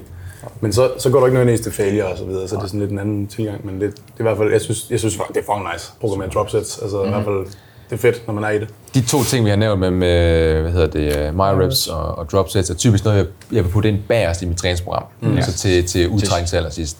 Men hvis man skulle bruge noget i begyndelsen af et workout, så skulle det være cluster sets. Ja, Øh, den kan du også prøve at forklare, hvad det, hvad det betyder. Øh, det er egentlig, at øh, man eksempelvis tager en, øh, en vægt, man, man ved, man kan løfte cirka tre gange, men i stedet for at løfte den tre gange i streg, så løfter man øh, 1 plus 1 plus 1 plus 1 plus 1. Så man får fem gentagelser den vægt, man egentlig kun kan tage tre gange, for eksempel. Så man mm. deler det op i grupper, eller clusters. Øh, Må hurtigt- må lige- altså når du siger altså tre rep, altså tre af dem, ja, Det er tre, ja, ja. så det er helt til. Okay, Ja. godt nok. Cool. Men man tager så kun, altså man deler det op, så man holder, Ja. man tager øh, en gentagelse af squatten, racker, holder 15 sekunders pause. Når de 15 sekunder er gået, så er man i gang igen med den næste. Og på den måde, der får man en højere øh, faktisk volumen. Ikke? Øh, mm. Og den giver mening for A-serien, vil jeg sige. Ikke? Den minder lidt om dropsættet, hvor du egentlig starter tungere. Mm. Her har du mulighed for at køre tungere igennem dine, øh, dine reps, fordi du lige er inde og, og sætte den kortvarigt Ja. og kan komme ud igen. Det er også genialt til chin-up, synes jeg. Med, Ja. med, med Ja, ja, for piger, der, kan, lad os sige, Ja. de kan tage tre reps, så kører singles i stedet, men så kører fire sæt af en, så samler Den er de rigtig fire. god, ja. Eller, ja, det er genialt til chin-up. Der var jo noget praktisk allerede til dem, der måske sidder derude og gerne vil øh, lære du- at lave chin-ups for eksempel. Lad os sige, at du kan lave to-tre chin-ups, ja. så kunne man gøre sådan noget. Det er en af måderne at, blive, at kunne hvad hedder det, progredere og så, hurtigere i din Og så kører du så for eksempel, det kan være, man kører tre af dem, så Ja. man kører tre sæt af 1, 1, 1, 1. Mm. Så er der, og så er der så er der for eksempel tre minutters pause, og så kører vi igen 1, 1, 1, 1. Så får man samlet mange gentagelser, ikke? Ja. Ja, for så snart du går til failure i chin-up'en, så ved man godt, åh, du ved, så Ja. rører styrken for meget. Præcis. Så det kunne bruges til især flere flere flere Flerledsøvelser, ja. måske. Præcis. Og øh, til dem, der gerne vil lære noget om, eller blive Ja. bedre til sådan noget kropsvægt. Push-ups er også genialt til det, eksempel. og, og sådan nogle ting. Mm-hmm. Øh, det var så clusters. Så har vi noget, noget rest pause, for eksempel også. Rest pause. Ja, hvor man, tage. ja, men man tager den, øh, man, man kører et, et givet sæt til øh, nær øh, komplet udmattelse, så holder man øh, 15-20 sekunders pause, så tager man samme vægt, og så kører man alle de reps, man kan, og det er sådan set bare det. Ja. Mm. Det er også, ja, og de er super fede også. Ja, altså, den er super nem at gå til, ikke? Jeg tror også, jeg tror pointen med alt det her, det er jo, det er jo både en, en måde at programmere noget fed træning, fordi det giver nogle, nogle sindssyge pump, øh, så, så der, der behøver ikke engang at være et større mening med Nej, det. nej, nej, det behøver ikke at være fordi, jamen, jeg skal lave progression i mit dropset. Nogle gange er det bare fordi, fuck, det, det føles bare fedt til armene. Ja. Øh, og det er sådan noget, øh, unge fyre godt kan lide tit. Og, Ja. En, en anden en, som er fucking nice også, det er isometriske hold. ja. For eksempel, øh, hvis du, hvis du laver øh, koncentrisk arbejde. For den sags skyld også ekscentrisk arbejde. Det der med, at man, man holder for eksempel øh, en isometrisk sammentrækning, et iso-hold øh, mid-range, kunne det for eksempel være. Det kan også være en måde at, at gøre let vægt tungere, øh, opnå længere time under tension, sådan nogle ting. Jeg synes også, det giver god mening, især i forhold til øh, løftere, dødløft for eksempel. Ja. Det er lidt en anden boldgade, vi er over i. Er vi ikke det? Jo, det kan man godt sige, men, Ja. men jeg tror, at det er stadigvæk en, en Fordi måde, du kan man faktisk kan... en lavere volumen, jo. Ikke? Du får, du får faktisk lavere volumen med det, Ja. fordi øvelsen bliver sværere, men det er en, det er en udtrætningsteknik, i hvert fald hvis du bruger det til det. Altså hvis du bruger det til for eksempel... Du udtrætter den bevægbane, der er. Ja, lad os sige for eksempel dødløften, hvor man kører, hvis man kører en pause midt skinneben, koncentrisk. Så det der med, at du ved, du, det, er en, det er en teknik, du bruger på at gøre øvelsen sværere, hvorpå at du så kan, du kan benefit af det. Mm. Så, så det er ikke en intensitetsteknik, men det er sådan et iso-hold, der kan ofte hjælpe en faktisk med at... Det er et, et, Lære det er et værktøj. Ja, faktisk til at lære bevægevaner. Ja. Ja, så det er godt til teknikoptimering, blandt andet. Mm. Ja. Jeg har et eksempel, hvor man kunne bruge det som udtrætning, hvis det er. Øh, hvis du nu kører arm, mm. eller whatever det nu kan være, eller, øh, drop set i split squats eller et eller andet, så kan du godt køre til failure, og så stille dig i et isohold, selvom du ikke kan tage flere øh, fulde bevægelser. Mm. Og så, gør, så kan du lige max det sidste ud på musklen, indtil den altså, står og shaker og er helt done. Du kan faktisk Jeg ved, det er bare noget, jeg siger nu, fordi jeg bare lige kommer i tanke om, jeg ved ikke, om der er noget teori, der kan Mange, gør det i men, split squat, øh, ikke? Du ved, så kører de 10 reps til failure, smider vægten, så stiller de så meget ned i en isohold, indtil de øh, kaster op faktisk. Ja. Og Og, så- står, og så bliver de stående, mens de de kaster stående, op. mens de kaster op, og så øh, dør de. Dejligt. Så rest in peace. Ja. Øh, er der flere, eller øh, skal vi call that a day? Der er jo flere jo. Vi har mekan- mekanisk dropset måske. Ja, det er også noget, ja, det er rigtigt. En mekanisk dropset kunne være, at man går fra en, øh, en biomekanisk øh, mindre fordel til en, til en biomekanisk større fordel. Eksempelvis det kunne være, at man kører 45 graders incline, double Nu kan du lige få den med armene der. Ja. Ja, ja, ja. Tag det, Den, du det ikke fik sidste gang. Tag, tag, tag den. Du ikke fik sidste gang, den kan du få nu. Nej, men hellere tage, jeg tror, jeg tager brystpres. Jeg tror, folk det er bedre, de kan. Fordi andet, der er lidt noget anatomi over. Så du kører en, øh, en 45 graders incline, double chest press. Du kører dine øh, 8 gentagelser. Der har man biomekanisk en mindre fordel, end hvis man kører en flad. Mm. Fordi du, du kan bruge mindre af, af brystfiberne. Øh, Du bruger mere den her klavi, clavikuladel, end den, de nedre, nedre fiber. Så uden at at du rent faktisk øh, reducerer vægten, så reducerer du vinklen, så du får en øget biomekanisk fordel i forhold til at fortsætte udtrættelsen af brystmuskulaturen. Mm. Plain and simple. Det kan så deles op i 45 grader, 15 grader, decline, ja. altså... Men der skal man jo så vide lidt om måske øh, biomekanik og, Ja, og anatomi præcis, for at ja. kunne bruge det i praksis. Det er ret Ja, genialt. og, og nu er vi helt, det er en helt anden podcast også, Ja. ja. hvor vi er mere inde i programmering. Ja. Så er vi ikke ved at... Jeg tror, øh, vold, Morten er øh, ja. Ja. voldmanden har været her, og øh, jeg tror, det var fint. øh, jeg håber virkelig, I fik noget ud af det. Jeg synes, øh, Der vi gik kom fuld godt rundt. retard nerd i den i hvert fald. Ja. Ja. Og øh, skriv endelig opfølgende spørgsmål nede i øh, kommentarerne til den her video. Øh, enten skriv på YouTube, eller inde på iTunes, Yes. Spotify, whatever. Man nu kan skrive på, eller vores Instagram, der kores. Øhm, Ja, hvad vil du sige, der køres? Det er fordi, det staves sådan. ja, det er fordi, det er jo sådan. Men vi hedder jo, der køres. Det hedder, der køres. Øh, Hvad hedder det? ja, der, Tusind... der er mere. Ja, hvad er det? Ja, vi er ikke helt færdige. Du skal huske location. Jamen, det, jamen, det er det, jeg skal til nu, mate. Ah, okay. Men Jeg så har vi en anden ting. Okay, Ja. t-shirtsene. Dem tager du så. Dem runder vi lige af med igen. De kommer, øh, de kommer live på et eller andet tidspunkt, så man kan gå ind og støtte vores øh, podcast, så vi kan holde den kørende i... Øh, Få en overdådig og t-shirt. få en mega overdådig t-shirt. Så det sidder godt. Øh, de sidder pisse godt på gunsene og kassen. Så, øh, Ja, hvis man det er havde nogen. Hvis man havde nogen. Så, Og øh, ja, øh, og ellers så vil vi bare sige uh, tusind tak til Salon 39 på Yep. Frederiksberg, for at vi må være her. Cocktailbar, lækker sted, vinbar over på hjørnet, what's not to like. Køb en tre-retters menu. Kæmpe anbefaling.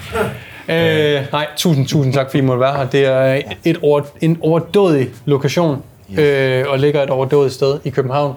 Så øh, tusind tak, fordi vi må sidde her, og øh, tusind tak, fordi I lyttede med. Køb en t-shirt, det giver flere podcasts. Det, det Anders sagde. Køb en t-shirt. I hørte den skaldede. flere det giver podcasts, flere flere podcasts. t-shirts. Og Det er, de hænger sammen ligesom. Tak for det. Tak.